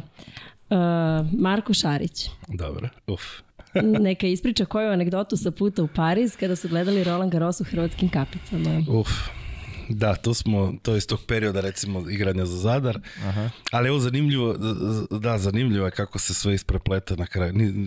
Pozdrav inače Marku, mi smo igrali skupa, pogotovo sa njegovim bratom, on je bio kapetan u mhm. toj ekipi Zadra kad smo igrali, Marko je malo mlađi. Ovoga, da, išli smo sa kombijem iz Zadra na turnir u Pariz, u Noizi Lesek, koji tad, sad je Noizi jedan ozbiljan čak ja, evropski klub na evropskoj razini, tad niko od nas zapravo nije ni čuo. Da, Stefana. nikad nismo ni čuli za Noizi Lesek i sad mi idemo tamo, uglavnom mi smo završili stvarno u Parizu na turniru i bio je Roland Garros u to vrijeme. Mhm. I onda smo išli na Roland Garros, igrali su tada i, i Ljubičić je igrao, Aha, je Ljubičić stvarno bio, ono, bio, bio jedan od top igrača u tom trenutku. I onda smo mi tako došli u vaterpolo kapicama, naravno, i bili su neki prekidi zbog kiše, mi smo izašli na teren i uglavnom mi smo toliko vikali, baš ono tipična ne teniska publika, da, neškolovana, došli, došli ovoga mi i sudac nas je htio u dva, tri navrata nas je upozorio da nam je zadnje upozorenje da će nas izbaciti, čak nas je, ne znam s kim je Ljubičić igrao s nekim španjolcem, gađao nas je sa lopticom kad je izgubio gem, bacio lopticu na nas pa čak ga je sudac upozorio, zanimljivo, zanimljivo. Ti zbog koga ne mogu da serviram. Ne, ne, nisam baš ja, ali, ali grupa cijela je bila, tako da, ono, jako lijepo, to su baš dobro, ja moram da, da se uključim, ovaj vidim da pratiš i druge sportove, nije samo vaterpolo, kažemo ljudima. Pa dosta ovaj, pratim. Da. volim i druge sportove, koliko mogu, pogledam i volim i nogomet, i tenis, volim i košarku. Volim Danas idemo na košarku, mislim da će se uklopiti u atmosferu za razliku od Roland Garros. A čekaj, si rekao voliš futbol i to, kako komentarišeš ovaj ovo polufinale. Ovo ponovno polufinale. Ponovno, A ne znam, meni... Treći put, eto, od 98. Meni je to nevjerovatno. Znači, imao sam priliku e, e, e, baš jedno divno putovanje sa ocem odraditi u Rusiju prošli put. Aha, bravo. Ovoga, išli smo na prve dvije utakmice, na, tad smo igrali Nigerija i Argentina i to smo bili jedno 5-6 dana u Rusiji, bilo onako posebno. I sad ono kao, bili smo na tom prvenstvu, jednom igramo finale tog prvenstva, mislim, to mogu vjerovati. I sad uvijek smo govorili nakon toga, to se desilo jedan put, neće se više nikad i o četiri godine poslije, dešava se opet, mislim, svaka čast znači, izgubili slučajno. Da, mislim, strašan, strašan rezultat, ja ne znam šta bi rekao. To je, to je, to je nevjerovatno da kad vidiš kolike države žele biti tu i svi treniraju mhm. tolike količine nogometaša na globalnoj razini, želi doći u tu poziciju da tu igra, a Hrvatska opet i opet i stalno se negdje tu vrti i ponavlja i sad mogu pričati da mi igramo defanzivno i da destruktivno ovako onako, mislim da smo onako vrlo zanimljiv nogomet igrali, meni se sviđa ta kombinatorika, puna je paso. mislim da imamo izuzetno talentirane igrače i biti navijač u tom trenutku je fantastično. Ne, super, ja sam sam neko ko onako igrao sam futbol i to je i veliko poštovanje za ekipu koja zna da se prilagodi igra takmičarski futbol i to je na, na, na ovakvim prvenstvima je važno znati takmičiti se, a ti se takmičiš protiv Brazila. Znaš šta me zanima još sad na tu temu, Ka, kakav si onako unutrašnji osjećaj imao gledajući Argentinu ili, ili bilo tu onako besa nervoze ili Pazi ovako, meni, od, meni od malena najdraža ekipa za koju uvijek navijem je Argentina. tako, Da, i ja sam ovaj, e, više Messi strana nego... Nego, Ronaldo, Ja Ronaldo, strana. E, i, I nekako mi uvijek stvarno Argentina bila draga, komali sam uvijek imao njihove dresove i tako što 94. ona ekipa Kanidža i Maradona padaju zbog dopinga i mhm. slično. Nekako uvijek, uvijek, sam, uvijek sam volio Argentinu, bili su mi dragi. E, tu na ovom prvenstvu ona mala utakmica protiv nizozemaca malo su mi pali u očima, malo mi je tu previše nervoze bilo i... E, kakav sam očima? Pa ne znam. Evo, iskreno gledao sam tu u, Beogradu u hotelu. E, nije bila ona atmosfera kao kad si u kafiću Negdje, negdje u Hrvatskoj. Kad te ponese, bilo mi je, bilo mi je drugačije.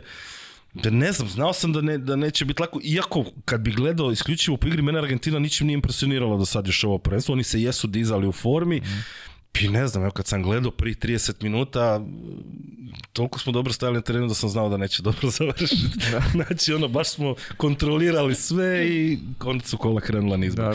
E, ni, nisam, bio, nisam bio ljut, iskreno. Mhm. Nisam, e, e, pa nisam bio, čak nisam bio nerazočaran. Mm Bilo mi je malo žao, naravno, kad je utakmica završila, ali realno, ne, ne, ne, mislim, ne možeš uvijek igrati finale, ne možeš sve osvojiti, tako da... Tako je. E, još dva pitanja ima Marko. Uf. E, vidiš li se u trenerskim vodama, to je prvo, i ne. najdraži, zašto? To, mm. to ja pitam.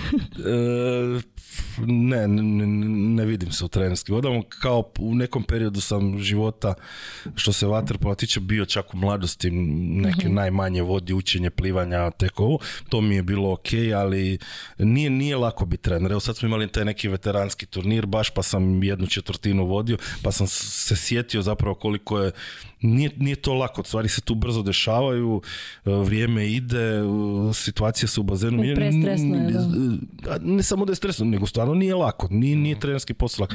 Ne vidim da bi se, ne, ne mislim da ne bi mogao biti trener. Najdraži gol u karijeri? Meni, uff. E, kad smo njih pobjedili na turniru jednom, e, kad smo mi debeli i nesposobni dobili njegovu ekipu na turniru, to je bilo veliko zadovoljstvo. Mislim da je iskamčio taj odgovor od tebe. Vjerojatno. to i tražio. da. E, ovo je ono što smo rekli o saradnjama i da ćemo, ajde, ostaviti ovo pred kraj. Uh, trener Dubrovačkog juga, jel? Ovo.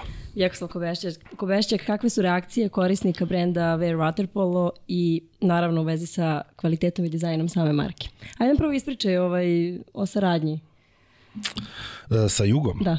Pa evo, ovo ljeto smo otvorili nekakve priče, mislim, mi kad smo krenuli u proizvodnju same opreme, nekako je ovoga, prva ideja uvijek bio nekako jug kao naj, najprirodnije rješenje kao nekakvog budućeg partnera, međutim oni su tad bili vezani za drugog dobavljača i mi smo tu samo, sam ja njima rekao kad ste vi spremni s bilo čim možemo, možemo razgovarati.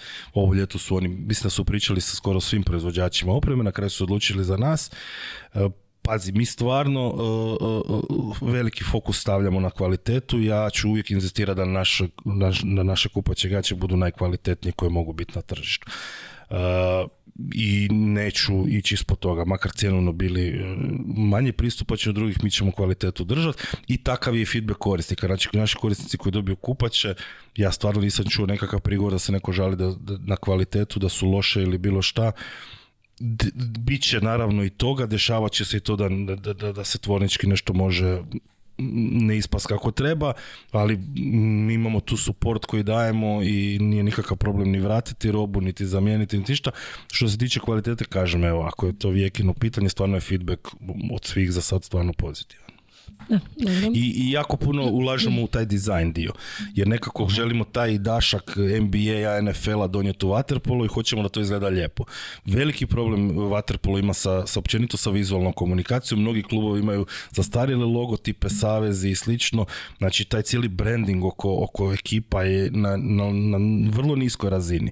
I mi za sve naše klijente, e, između ostalo, kad, kad, kad hoće surađivati s nama, mi im damo i nekakvu našu poboljšanu verziju kako mi vidimo njihov klub, možda kroz nekakav bolji logo, moderniziraniju verziju njihovog loga i to sve radimo u sklopu tog nekakvog paketa i aranžmana koji koji imamo s njima. E, moram samo kad smo već kod ove teme da pohvalim jednu inicijativu Vatrpolo kluba Dorčel, upravo mhm. je vezana za, za opremu i kupaće gaće i zapravo dizajn njihov. Ne znam da si video obišle. super je. Meni ono stvarno da, savršeno. On... Evo, neka uđu ljudi na njihove društvene mreže ko nije.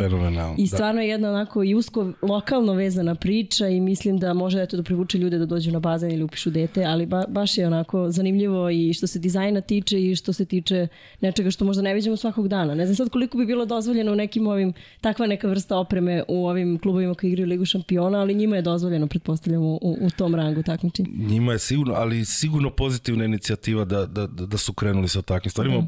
Sigurno, pazi, privukli su pažnju. E, svi smo mi tu čuli i videli za njih. Ja znam mnogi prijatelji koji su čuli i videli njih upravo zbog toga što su to napravili. I ima recimo, ne znam, ako mogu spomenuti isto tako neka lokalna inicijativa, Slavonski brod. Mhm. Postoji Slavonsko-brodska vaterpolska liga. Ja to nisam imao pojma dok mi se ljudi nisu jali. Tamo osam ekipa nastupa u Slavonskom, u brodu. Tako je. Osam ekipa amatera koji se skupljaju svaki vikend i igraju nekakav vaterpol. I, I oni su angažirali dizajnera profesionalnog da im radi opremu za njihovo, mislim njih ima 15 u ekipi, ali neovisno u tome, to, to su stvari koje mene vesele, meni je to lijepo vidjeti da u Slavonskom brodu, ja, ja iskreno nikad nisam bio na bazenu u Slavonskom brodu, znam da imaju mm. bazen i sve, pa sam, ali sam jedan put otišao tamo pričao malo s njima, meni je to fascinantno, ljudi koji se nisu bavili vaterpolom, jednostavno, aha, došao nam je bazen, imamo priliku, pa im igrat vaterpolo, svidlo im se, E, funkcionira i klub nekakav tamo i ta amaterska liga, to su sve te lijepe priče, a opet neki klubovi lige prvaka ne bi uložili u dizajn jednog eura, a, a nekakav klub iz Slavonskog broda će, oni su spremni skupiti između sebe par Jeste, stotina da. eura da bi platili nekakvog dizajna da im napravi gaće. Fascinantno. Apsolutno, apsolutno, da. Mhm. Pavle, hoćeš ti malo pitanje dobrim glas? Hoću malo, pa da, Aleksandra naša ovaj, ima, ima mnogo pitanja, ima tu mnogo tema koje smo već obradili kako, ali ajde ovo je interesantno, kaže kako vidiš poziciju poziciju ženskog vaterpola u svetu u odnosu na muški vaterpol? Ja e, osobno mislim da ženski vaterpolo ima bolju perspektivu od muškog, s obzirom na tržišta na kojima se trenutno igra. E, znači kad gledamo zemlje e, koje su snažne, jake u ženskom vaterpolu, to su tržišta koja su puno marketiški interesantnija. Da li će se to dogoditi ili ne, teško je sad reći, odnosno da li će se muška ova dobra tržišta o kojima smo pričali priključiti.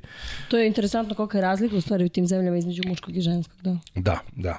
Znači, ajde, Amerikanci sad, nekad je bio muški, ženski je od uvijek bio jak i, i kod ženskog vaterpola još uvijek postoji stvar da je konkurencija manja i kvaliteta je na nekakvoj nižoj razini da se puno lakše može dostići neka država koja se želi uključiti, kao što recimo Hrvatska sad napravila može da ih sustigne. Izrael i tako, znači to su nekakve države koje se približavaju nekakvom onom, ajmo reći, gornjem dijelu, jel?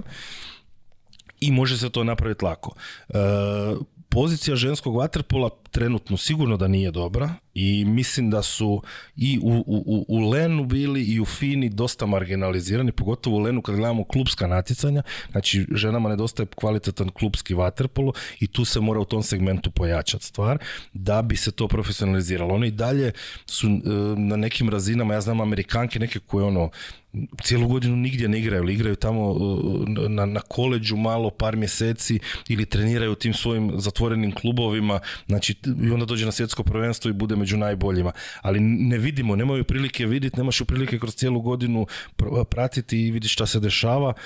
Mm, kažem, ja bi, ja bi volio da se malo više pozornosti posveti ženskom vaterpolu, ponovo mislim da bi se to u Lenu sad moglo dogoditi, došlo je do nekog rebrandinga, promijenilo se ženska liga prvaka, se isto tako počela zvat liga prvaka, da bi se dalo tu na važnosti. Ideja je negdje da se završni turnir isprati sa ovim muškim, da, da bi bilo malo vidljivije. Da, bilo bi, bilo bi bolje da se približe malo. E, i, i, i, s, tim ciljem se išlo možda i u, u, u segmentu da se spoje natjecanja muško i žensko evropsko prvenstvo kad da. se igraju da se igraju muški i žene zajedno e, da li će se tu ići opet u odvajanje ili ne ne znam ali ja bi rađe stavio ne znam ženski, ženski turnir u Nizozemsku Mhm. Mislim da bi e, sve bilo pa, gledano tamo. Da, jer pazi, u Hrvatskoj e, malo ljudi je bilo i na utakmicama Hrvatske, kad su cure igrale. u Nizozemskoj bi, ja vjerujem, taj turnir ljudi došli gledati zbog kulture njihove, zbog načina praćenja sporta i zbog toga što vole vaterpolo, što smo rekli da ima 50.000 ljudi koji su aktivno uključeni tamo, ti bi 2 3000 ljudi na, na nekako manjem bazenu uvijek doveo na bazen za svaku utakmicu Europskog ženskog prvenstva. Da. Kako gledaš da to je, sad ću malo da napravim digresiju vezano pošto ja ovaj, kako doživljavaš Hrvatsku? Doživljavaš Hrvatsku kao sportsku naciju? Da, da. Mislim da smo prvenstveno talentom, uh izuzetno sportska nacija, i, a, slušaj, imamo i tu nekakvu nasljeđe i ostavštinu e, kvalitetnog rada koji možda i u nekom trenutku postoje veći automatizmi na generacije koje dolaze, mhm. da mi jednostavno bolje, ajmo reći, motorični smo možda i, i, u, smislu lakše nam se razviti u, u, u, tom sportskom nekakvom segmentu. Da, smatram da je Hrvatska mhm. baš sportska nacija, ali nije nikako praćena nikakvom infrastrukturom, što samo sve ove uspjehe stavlja na još jednu višu mhm. razinu godinu. Evo ti sad recimo primjer nogometa, ja i prijatelj se što znamo šalit, e, otvorimo portal nekakav i onda vidimo u Bayern Minhenu igra neki naš grad za kojeg nikad nismo čuli, koji je praktički odgojen u Bayern Minhenu i sad onda jednom starta za Bayern Minhen, igra za našu reprezentaciju. A vi ne znate ko je A mi ne znamo ko je, jer on se nije mogao tu, naš. Mhm. Tako da e, nema, infrastruktura ne prati, mi nemamo pravi stadion e, za nogomet, nama, nama fali infrastrukturno svega da bi, da bi, da bi se nekako kvalitetan, kvalitetan sport još više razvio. Zato ti pita, zato što ima malo problem sa tim, znaš, kad govorim, recimo, kad me neko pita vezano za Srbiju, znaš, ja sam sve više sam ovaj, Uh, negde stanovište da Srbija nije sportska nacija. A sad ću ti reći zbog čega, jer uh, za mene je Slovenija sportska nacija. Zato što imaju kulturu da recimo nedeljom oni svidu i izađu nešto trče da vozi bicikl, da se bave sportom i, i imaju neku bazu koju prave i način življenja. A nisam siguran da ovdje, ti imaš ovdje talentovanih, talentovanih ljudi za sport, ima mnogo talentovanih ljudi za sport u Srbiji konkretno, ali kao što si rekao, nema infrastrukture i mislim da nema tog vojnog momenta na nivou na nivou nacije, da, znaš, ti kažeš mi se bavimo sportom. Ne, tu se bavi sportom određen broj ljudi koji se time bavi profesionalno, ali kada govorimo o o, ne znam, bavljenju sporta na nivou nacije, mislim da je to vrlo, vrlo ja sam, Pa nemamo kulturu rekreativnim bavljenjem sporta. Ja sam baš, kad si me pitao sportska nacija, ja sam se više fokusirao na ovaj profesionalni. Da, da, da, da, da. ali mislim da iz ovog, da iz ovog kreće Znaš, ti nekako dete učiš da, da bude u sportu i se bavi sportom od malih nogu. Znači, to je ta kultura bavljenja sportom. Znaš, ovo je... E, ali nemamo, više nemamo, izgubili smo tu kulturu praćenja sporta. To što ti kažeš, znači mi, mi nemamo na tribinama, nema ljudi. Znači, mi svi volimo sport, mi sad uživamo što smo mi u polufinalu svjetskog prvenstva i kad počne Hrvatska nogometna liga, nema. ti ćeš imat na polju da, do ljudi i to je to. To je to. E, ima još od Aleksandrnih pitanja, ovo mi je interesantno. E, pazi, baš prati tvoj rad. E, šta je sa YouTube kanalom?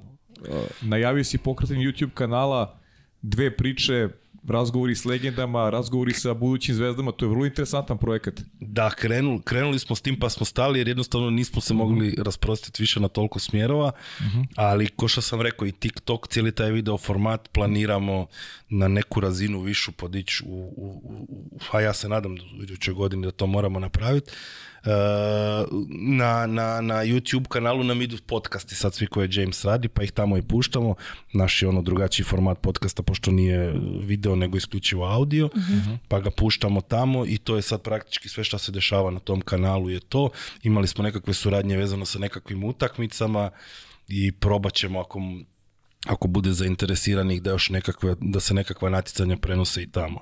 uh da, fali, fali, fali, fali video sadržaja, sigurno, sigurno ga mhm. fali i ovako kad, kad to čujem odmah, odmah mi nije sve jedno. A dobro, to treba da bude potrek Šta je još u planu za, za budućnost? Uf, ima projekata koliko hoćeš. E, šta nam sad, e, imamo, da, imamo jedan zanimljiv projekt koji ćemo pokrenuti to bi trebalo do idućeg ljeta biti spremno. E, zove se Play Waterpolo i to će biti jedna web stranica e, koja će biti namijenjena zapravo roditeljima. E, znači želimo pozicionirati tu stranicu na Googleovoj tražilici kad roditelji traže nekakav sport koji bi bio dobar za njihovo dijete, da se ona tu negdje gura i da im bude kao prilika da nauče nešto o vaterpolu. Mislim da se vaterpolo mora prvenstveno gurati prema roditeljima, isto tako kao jednoj zainteresiranoj skupini, pokaza da je vaterpolo jedan najzdravijih sportova za njihove djete, kako se djeca razvijaju intelektualno, fizički, motorički kroz sami sport i na taj način i da u to unutra obuhvaća i bazu podataka klubova da bi oni sa svoje lokacije mogli naći najbližu lokaciju na koju mogu dovesti djete na bazen, tako i da mogu direktno kontaktirati klub i pitati kad može djete doći na bazen to je onda jedan projekt koji se, osim što se širi na ovaj način kroz, kroz ovu tražilicu, bi se mogao onda koristiti na bilo kojem, ne znam, beach polo turniru, gdje bi imao nekakav mali štand ili neke osobe, volontere, koji bi ljudima koji gledaju, recimo ja znam u Zadru, kad, kad je nekakav turnir ili kad je negdje na obali ili divlja liga, skupe se ljudi i gledaju, turisti prolaze, ljeto je naravno, samo se zna skupiti po, po, po tisuću, dvije ljudi koji stoje uz, uz obalu i gledaju šta se dešava. I zanimljivo je, tad su tamo neka djeca, neko dođe sa tabletom, jel vam zanimljivo, od kuda ste iz Nizozemske može, ako hoćete dajte svoj e-mail, poslat ćemo više informacija, postoji klub tamo kod vas u gradu, možete doći trenirati, dovesti no, to je sjajno Da. to je jedan i drugi koji ćemo pokrenuti sad krajem prvog mjeseca, to je više zbog mene nego ovoga, zbog Waterpola, ćemo organizirati nekakvu verziju uh, The Biggest Losera, gdje ćemo birati ekipe koje će uspjeti najviše smršaviti u određenom periodu mjesec, u određenih, ne znam, tri ili četiri mjeseca koliko će biti, tako da se važu na početku i da ih se onda prati i da se, da vidimo ko će se najbolje za ljeto pripremiti, jel da bude nekakav dodatan motiv, onako jedan zdraviji projekt, mislim da može biti zanimljivo. Da, to je sjajno, da. Pa mislim da će se tu uključiti čak i profesionalne ekipe, ali ovakve amaterske gdje nas ima... to mi je palo na pamet ovo ljeto kad smo se, ajmo reći, preko ljeta u Zadru svi manje više su vezani za turizam rade, da se ne vidimo toliko kad smo se vratili na bazen, jedno 5-6 ljudi je izuzetno smršavilo, jedno 5-6 nas je izuzetno zdebljalo i onda smo nekako taj prosjek smo nuli, ja rekao ajmo probati sad nešto drugo. Čekaj, radiš na tome da dobiješ nagradu ili... E, pa sad radim naš na masi pa ću onda ići dalje da najviše skinemo. Kaži mi e, još jedno Aleksandrinu, posjeća opet neke, neke tvoje izjave vezano za, za profile na, na društvenim mrežama i za, za neke e, procente, ali ono što mene zanima, e, da li se plaše da bi neki upliv novca i neka veća popularnost mogla da utiče da se, da se sport malo i pokvari po znacima to je Aleksandrino pitanje. Pa ja mislim da se i sa malo novaca uspio pokvariti pa, dosta. da. Tako da je bolje sa puno novaca. Tako da, evo, ako se već kvari, nek se kvari sa više, šta reći. Ali da, bit će toga, sigurno da će biti, ali već smo imali to. Tako da se možda sad znamo i drugačije boriti protiv toga. Svi, svim sportovima to trenutno da. postoji. A dobro, treba se učiti. Da. Gdje vidiš Total Waterpolo za pet godina?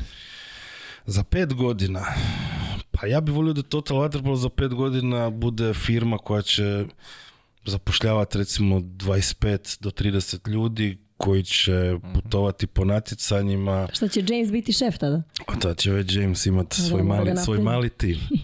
Ovoga, e, znači ono, 25 do 30 zadovoljnih ljudi koji se bave vaterpolom da ga promoviramo na najbolji mogući način i da, da, da smo lider u, u distribuciji podataka za vaterpolo natjecanje, što znači da će vaterpolo morat i značajnije početi rast. Uh mhm. Jeka te pita, kaže, dobro, prvi susret sa vaterpolom smo pričali, obiljeni vaterpolista i klub. Puh teško pitanje. Uh mislim, a, ajmo reći da je mladost moj klub broj jedan s koji sam stasao, ali i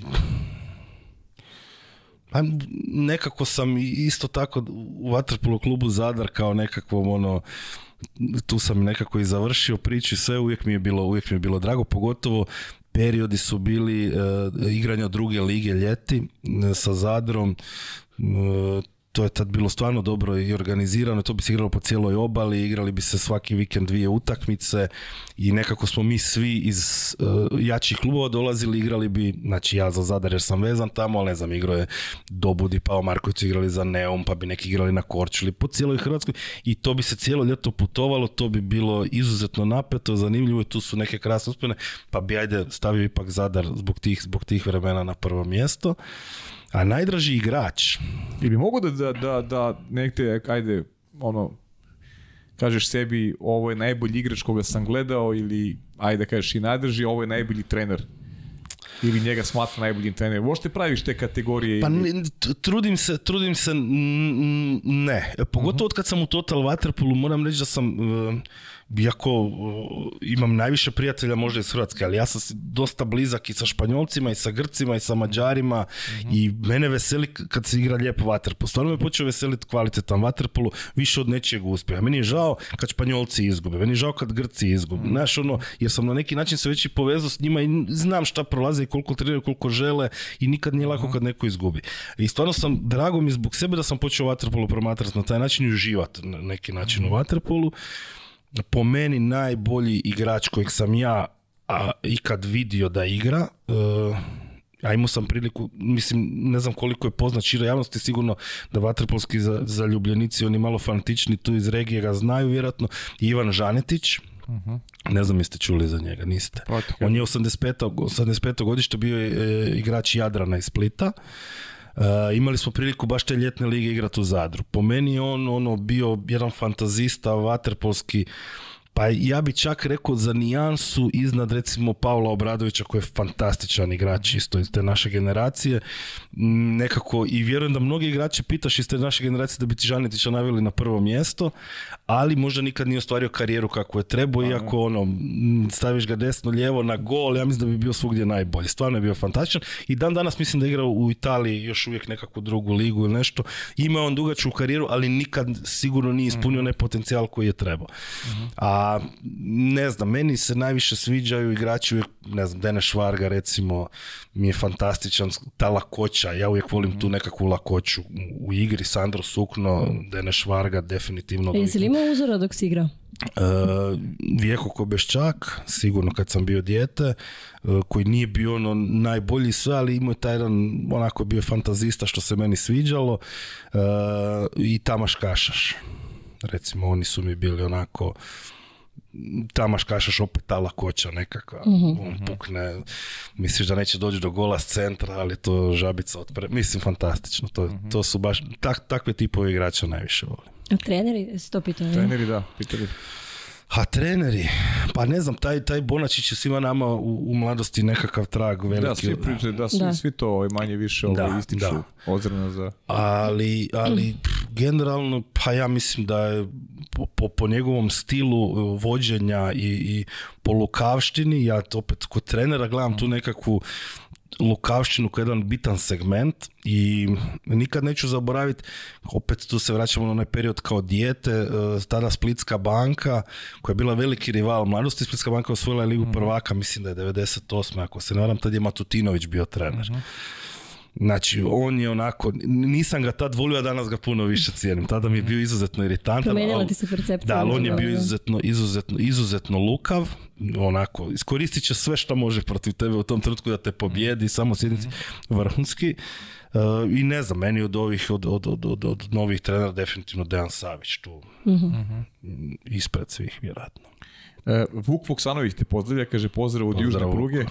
Kaže, Pita ga ti ispriča kako je to bilo na svjetskom prvenstvu u Pragu i neke zanimljivosti odatle. Uf, a ima tu puno. Da, to je bilo juniorsko prvenstvo. A, tad smo imali priliku, e, FINA nas je testirala za live scoring i bio sam doslovce sve utakmice prvenstva sam za stolom radio znači vodio sve utakmice kao službeni zapisnik utakmice i live scoring, znači pokrivao zapravo dvije, dvije nekakve pozicije i tad sam se uvjerio ono što, možda se toga nismo dotakli, ali taj, taj problem e, delegata i, i, cijelog tog stafa koji dolazi na utakmice oko bazena i slično, tad sam se uvjerio ovoga u biti koliko su oni nepotrebni, ajmo reći najmanju ruku tamo. Tad sam došao na ideju da napravim aplikaciju za sve te ljude. Da. i ne, e, krenuli smo ozbiljno, nakon tog sam rekao, ja vam mogu olakšati s tim, tim i tim, i možemo napraviti to, to i to, neće biti potrebno. Znači, svaku utakmicu sjede delegat i čovjek koji njega kontrolira, E, I delegat zapisuje e, isključenja i golove koje zapisujem i ja, koje zapisuje i semafor. E, onda ga ovaj kontrolira, zapisuje isto tu stvar i onda ja nakon svake... A čekaj, ovaj koji ga kontroliše je domaćin ili, ili ko? Ne, ne, to je drugi delegat. To je drugi delegat. Drugi delegat I onda ja... ima neko iz klubova ko sedi pored njih, ali nije biti Ne znam ili što je prije bilo. Prije je bilo da su bili, svaki klub je mogao staviti svog čovjeka, to su makli jer je tu bilo svega. Mislim da to ukinuto u nekom periodu. E, ali, ali se radi o tome da oni zapisuju taj podatak. I sad ja na polovremenu dolazim i oni moraju skontrolirati da smo mi usklađeni. I kako ćemo to iskontrolirati? Oni su htjeli da ja njima printam papire. Ja sam rekao da smo mi digitalna aplikacija, mi ne printamo, ja, da ja nisam imao printer već 12 godina. Pa sam onda ja njima dolazio sa laptopom da oni to gledaju. I sad ja dođem, ja vidim da eh, nakon par utakmica oni ti ljudi više nemaju ništa zapisano. Oni prepišu od tebe. Tako i onda ja govorim, ne znam, plavi 5, 20 korekt onda stavi kvačicu. I to, i to, to ide na to. I onda ti se desi situacija uh, u polufinalu svjetskog prvenstva gdje krivo upišu igraču broj isključenja. I na... kaj je to bilo? U Pragu, Sad, 2019. Pragu, Pragu, Pragu, Pragu, Pragu, Pragu 2019. I onda su oni tamo to pogriješili i nakon utakmice, jer, ali, ali šta je bilo, Total Waterpolo radi zapisnik ja na povremenu kažem da je krivo. Oni tvrde da nije krivo i delegat meni govori da ja moram promijeniti u službenom zapisniku. I ja kažem kolegi, ajde molim to odi na stream, nađi mi te dvije situacije da vidimo. I tamo se jasno vidi da broj taj taj dobiva isključenje, druga situacija se isključenje, četvrta četvrtina taj broj dobiva isključenje. I to mu je treće, međutim on može i dalje igrati. I on, e, e sad stvari u tome da on nije ušao do kraja, jer su to bili italijani pa su namjerno, mhm. vjerojatno su znali o čem se radi, oni ga nisu stavili do kraja. Međutim, onda je, htio pa je mogao ući i igrati, iako ima tri isključenja. I nakon utakmice sam ja došao u sobu gdje su delegati jeli, i sve te glavešine, i jednostavno sam rekao ovoga, gledajte imate situaciju da su ovaj dobio tri isključenja, evo vam snimka, screenshot, sve vam je tu tri isključenja. I oni se pogledaju i kažu please don't tell anyone. ja govorim, jeste vi normalni, mislim, ste vi stvarno normalni. Uglavnom, ja sam to javio i protivničkoj ekipi i, i slično i rekao sam ako se neko želi žaliti da ima priliku, ako postoje elementi, sad ja ne znam, ne ulazim u to, ali se hoću vratiti na to. Bila je još po meni još jedna situacija koja je isto tako tužna, gdje bi tako i za golove radili. Znači, ne znam, došlo je dijete iz Egipta, igra svjetsko prvenstvo koje mu je sve na svijetu, on upiše gol broj 4 umjesto broj 7 koji je zabio, ja mu govorim, pa nije zabio mali broj 4 sa stative, znači cijelu, imaš, imaš stream, u ostalom pa provjeri. Tom djetetu taj gol znači više od svega na svijetu, ti si mu ga mako. E sad, i onda sa tim stavom kad dođeš, sa njihovim dnevnicama koje oni dobijaju, onda ti se sve to malo, malo, malo ti se stvarno smuči i koliko njih tamo bude i da oni mogu raditi samo jednu utakmicu dnevno. A, a, a Trebaju pažnje i koncentracije. Da, ali mislim, nije stvar, ja sam, ja sam stvarno svaki dan radio sve utakmice, smo se tako podijelili da ću ja to raditi. Znači, ja sam siguran da postoji masu ljudi na svijetu koji mogu bez problema četiri utakmice takve dnevno odvoditi kao što sam ih ja vodio, pa i osam bez ikakvih problema. A oni mogu samo jednu. Mhm, mhm. i onda sam ja, ja poslije kažem, pa da ljudi ovako, to sam mislio na jednom rekao, pa zašto njih mora biti, ne znam, 15 ili 20 tamo, ajde ih dovedite 8, pa nek rade po dvije utakmice svaki dan, a za ovu razliku novaca dovedite tri tiktokera mlada da oko bazena idu sa kamerom i da to pušte na svom kanalu. Više ćete napraviti za vaterpolu nego da ovaj kontrolira jedan drugoga. Ako već digitalno možemo razviti sustav do toga da, da nema potrebe za tom dodatnom kontrolom. Mm-hmm. E, to su sad opet neke promjene, ali eto, ta priča recimo iz Praga je ta, uglavnom. Mm-hmm. Kaži mi, ajde možda, možda i za kraj, pre nego što zaključimo sa, sa porodicom. Kako zavljam sa podcastom? To pita Aleksandra i pohvalju izbor za, za prvog gosta, što je to bila jedna dama 20, koliko si imao, 22 epizode? Mislim da smo sad tu negdje na 22. 22 epizode. E, znači ja sam u potpunosti to Jamesu dao slobodne ruke da, mhm. da on kako misli da treba, ja ga kad me pita nešto kad hoće da se iskorigiramo, mm se mhm. iskorigiramo. Ja sam izuzetno zadovoljan, znači ja sam iznenađen jer smo neki dan smo dobili rezultate sa Spotify-a gdje smo, ne znam, u Hrvatskoj smo bili par na top sportski podcast koji se sluša. U Mađarskoj smo bili, smo stalno u top 5 sportskih podcasta. E, u, globalnoj razini smo nekakvih top 10 ili 8. Baš sam se iznenadio rezultatima s obzirom da je to podcast o Waterpolu i s obzirom da je nije napravljen profesionalno. Pazi, ovo je nekako epok profesionalna atmosfera. To je James krenuo ono dosta od doma, pa smo kupili bolji mikrofon, pa se trudimo mm stalno mhm. nešto poboljšati da to bude. Mi bi isto volili da možemo ono dovesti nekoga i jedan na jedan to raditi, a ne putem lap laptopa ili slično, ali ja sam izuzetno zadovoljan s rezultatima i to je sigurno format koji koji je tu i koji će biti tu. I znači, sigurno. James dobio povišicu. Ba, morat ćemo nešto srediti. Kako? Na 50. Protežira James. Na 50. Da, pa čuli smo se James ja prve emisije, pa na sve načine sam Neka, a imaš proviziju od njega. Ne, ne, ne. Nemam, ali verovatno ručak u Zadru, nemam ah, pojma. Najmanje znači ručak. Znači. Samo nemoj da ti on kuha i sve će. da. Da, ovaj, e, ako nemaš više pitanja sa mreža, pa prošli smo ih većinu verovatno kroz da, razgovor. To je, da, to je, da. Ovaj, ja bih samo još jednom da se osvrnemo, spomenuo si je kao najvećeg investitora u Waterpolo, to je mhm. tvoja Iva, a volimo tim porodičnim momentom da, da završimo polako gostovanje. Je, sigurno da. Bez, bez supruge Ive ne bi bilo ničeg od ovog. Niti bi ja sad sjedio tu, niti bi mi mogli pričati o mnogim stvarima i, financijski, znači sigurno smo mi financijski skupa ušli u nekakve stvari, mogli smo, ne znam, početi raditi kuću ili si priuštiti nešto drugo, odlučili smo mhm. investirati novce u Waterpolo, ali i financijski, ali i, i, i, u svakom drugom smislu tu podršku koju ja imam od nje je jednostavno neprocjenjiva, da ona ima razumijevanje, da ja radim nešto što volim i da imam želju promijeniti neke stvari na bolje, a da ona niti u jednom trenutku nije stavila sebe ili naš odnos ispred, ispred te moje druge ljubavi, jel? tu ja mogu skinuti kapu i ako u bilo kojem trenutku ona kaže sad je dosta, tu će biti kraj. To je jedini moguće za to vatru pozoveš. Da. Dobro, postio si temelji, ajde, ima da, tu... Ali neće, sad vidi da ide sve bolje i bolje. E, da, da, da, da. E, da. ali to me je zanimalo, ovaj, da se vratimo na taj početak priče. Ovaj, pre pokretanja, osnivanja to dogovora sa drugarima na pivu i tako dalje, šta je bio tvoj izvor prihoda, ako mogu tako da kažem, i, i je li bilo plana B, šta ako ovo ne uspe? pa ja gledam nekako uvijek, da, ja sam, znači, ne znam, radio sam pet godina u leasing uh, društvu, mhm. imao sam neki svoj posao, pa sam uh, radio startup u jednom u Zagrebu, gdje sam jako puno stvari naučio, imali smo jedan digitalni proizvod i tu, tu u toj firmi baš, baš odlična atmosfera bila i super smo radili i tamo sam ja otišao i posvetio se Total Waterpolu a plan je, pa ne znam, mislim da sam dovoljno mladi da imam dovoljno e, znanja nekakvih i, i, i, i stvari koje bi mogao raditi sad, pogotovo danas sa ovim remote poslovima gdje ti možeš raditi za, za stranca bez problema da u slučaju da stvarno sve dođe do kraja, ja vjerujem da bi mogao relativno lako naći. Pa, bilo je trenutaka u Total Waterpolu gdje je meni supruga rekla bilo bi bolje da samo ležiš na kauču i ne radiš ništa. bilo bi nam bolje. E, tako da, tako da ovoga, u tom segmentu ne bojim se. Znači, ja uvijek se mogu snaći Pogotovo sad i, i ostati i u nekakvim waterpolo sferama s sad, da, sa, ovom, sa ovom mrežom kontakata i sa svim, ali ne bojim se. Mislim da smo prešli najteža razdoblja i da, da Total ne, ne, nema ni razloga, nego čisto da, ali, ali imam, imam, imam imam i tih nekakvih interesa oko razvoja i, i, softvera, znači ne developerskih, ali baš mhm. projektno gledano, project managementa i sales developmenta i slično, tu imam nekakve interese i znanja gdje mislim da bi mogao još dan danas da još uvijek mogu naći posla. Znaš kako nekad je dobro nemati plan B, onda ovaj A plan A uvijek moraš oko tako, tako. Mare, uvijek pitamo ovaj, naše goste da li ima nešto što smo možda propustili za ovu priliku. Ja, ja verujem da je ovo tvoje prvo gostovanje, da neće biti ovaj posljednje, siguran sam ovaj, to i želimo u suštini, tako da imaćemo još prilika Jednog dana kao član biroa Lena. Pa, nećemo ići tako da. koji god ulozi, ali svakako ovaj, ovaj, imaju ljudi šta da čuju, pa ajde za ovu priliku možda nešto što, što nismo ali da mislim da, smo Da, mislim, mislim da smo ja možeš da smo jako dugo pričali, ne znam koliko je prošlo.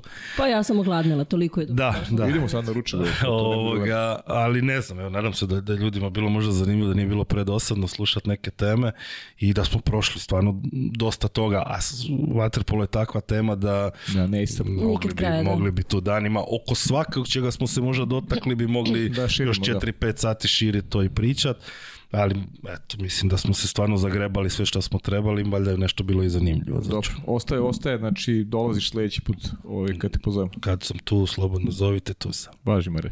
Ako ne rani, onda Final 8, pretpostavljam. Tako je, tako da. je. E, ništa, Pavle, da se zahvalim ja Marku. Evo. Ja sam uživala, meni je ovo bio ovaj, jedan od omiljenih razgovora u ovoj emisiji, verovatno jer je ovako prilično opušten i neformalan i nadam se da ćemo pričati ponovo. Nadam se da ćemo Jamesa ugostiti, mislim da je zaslužio. Ovaj, toliko smo ga puta spomenuli Svi da, da će biti... koji su u Waterpolu su otvoreni u ovaj za dolazak koji je podcast, tako da to je to. Da, Pavle, nećemo ništa najavljivati čime ćemo pa, se baviti da, kako, da, kako bude sezona odmicala, tako ćemo provati. Prate naše društvene mreže, pa ovaj, o tom potom. Da, ništa, hvala i tebi što si nas mene i Marka da evociramo uspomene i hvala vama naravno što ste bili e, sa nama, pratite nas i dalje, ostavljajte komentare, pišite nam na društvenim mrežama, na Instagramu smo najaktivniji, to već znate i naravno pomozite nam u kreiranju svake sledeće emisije do sljedeće nedelje, pogledajte na YouTube kanalu sve ono što niste stigli ili što ste propustili.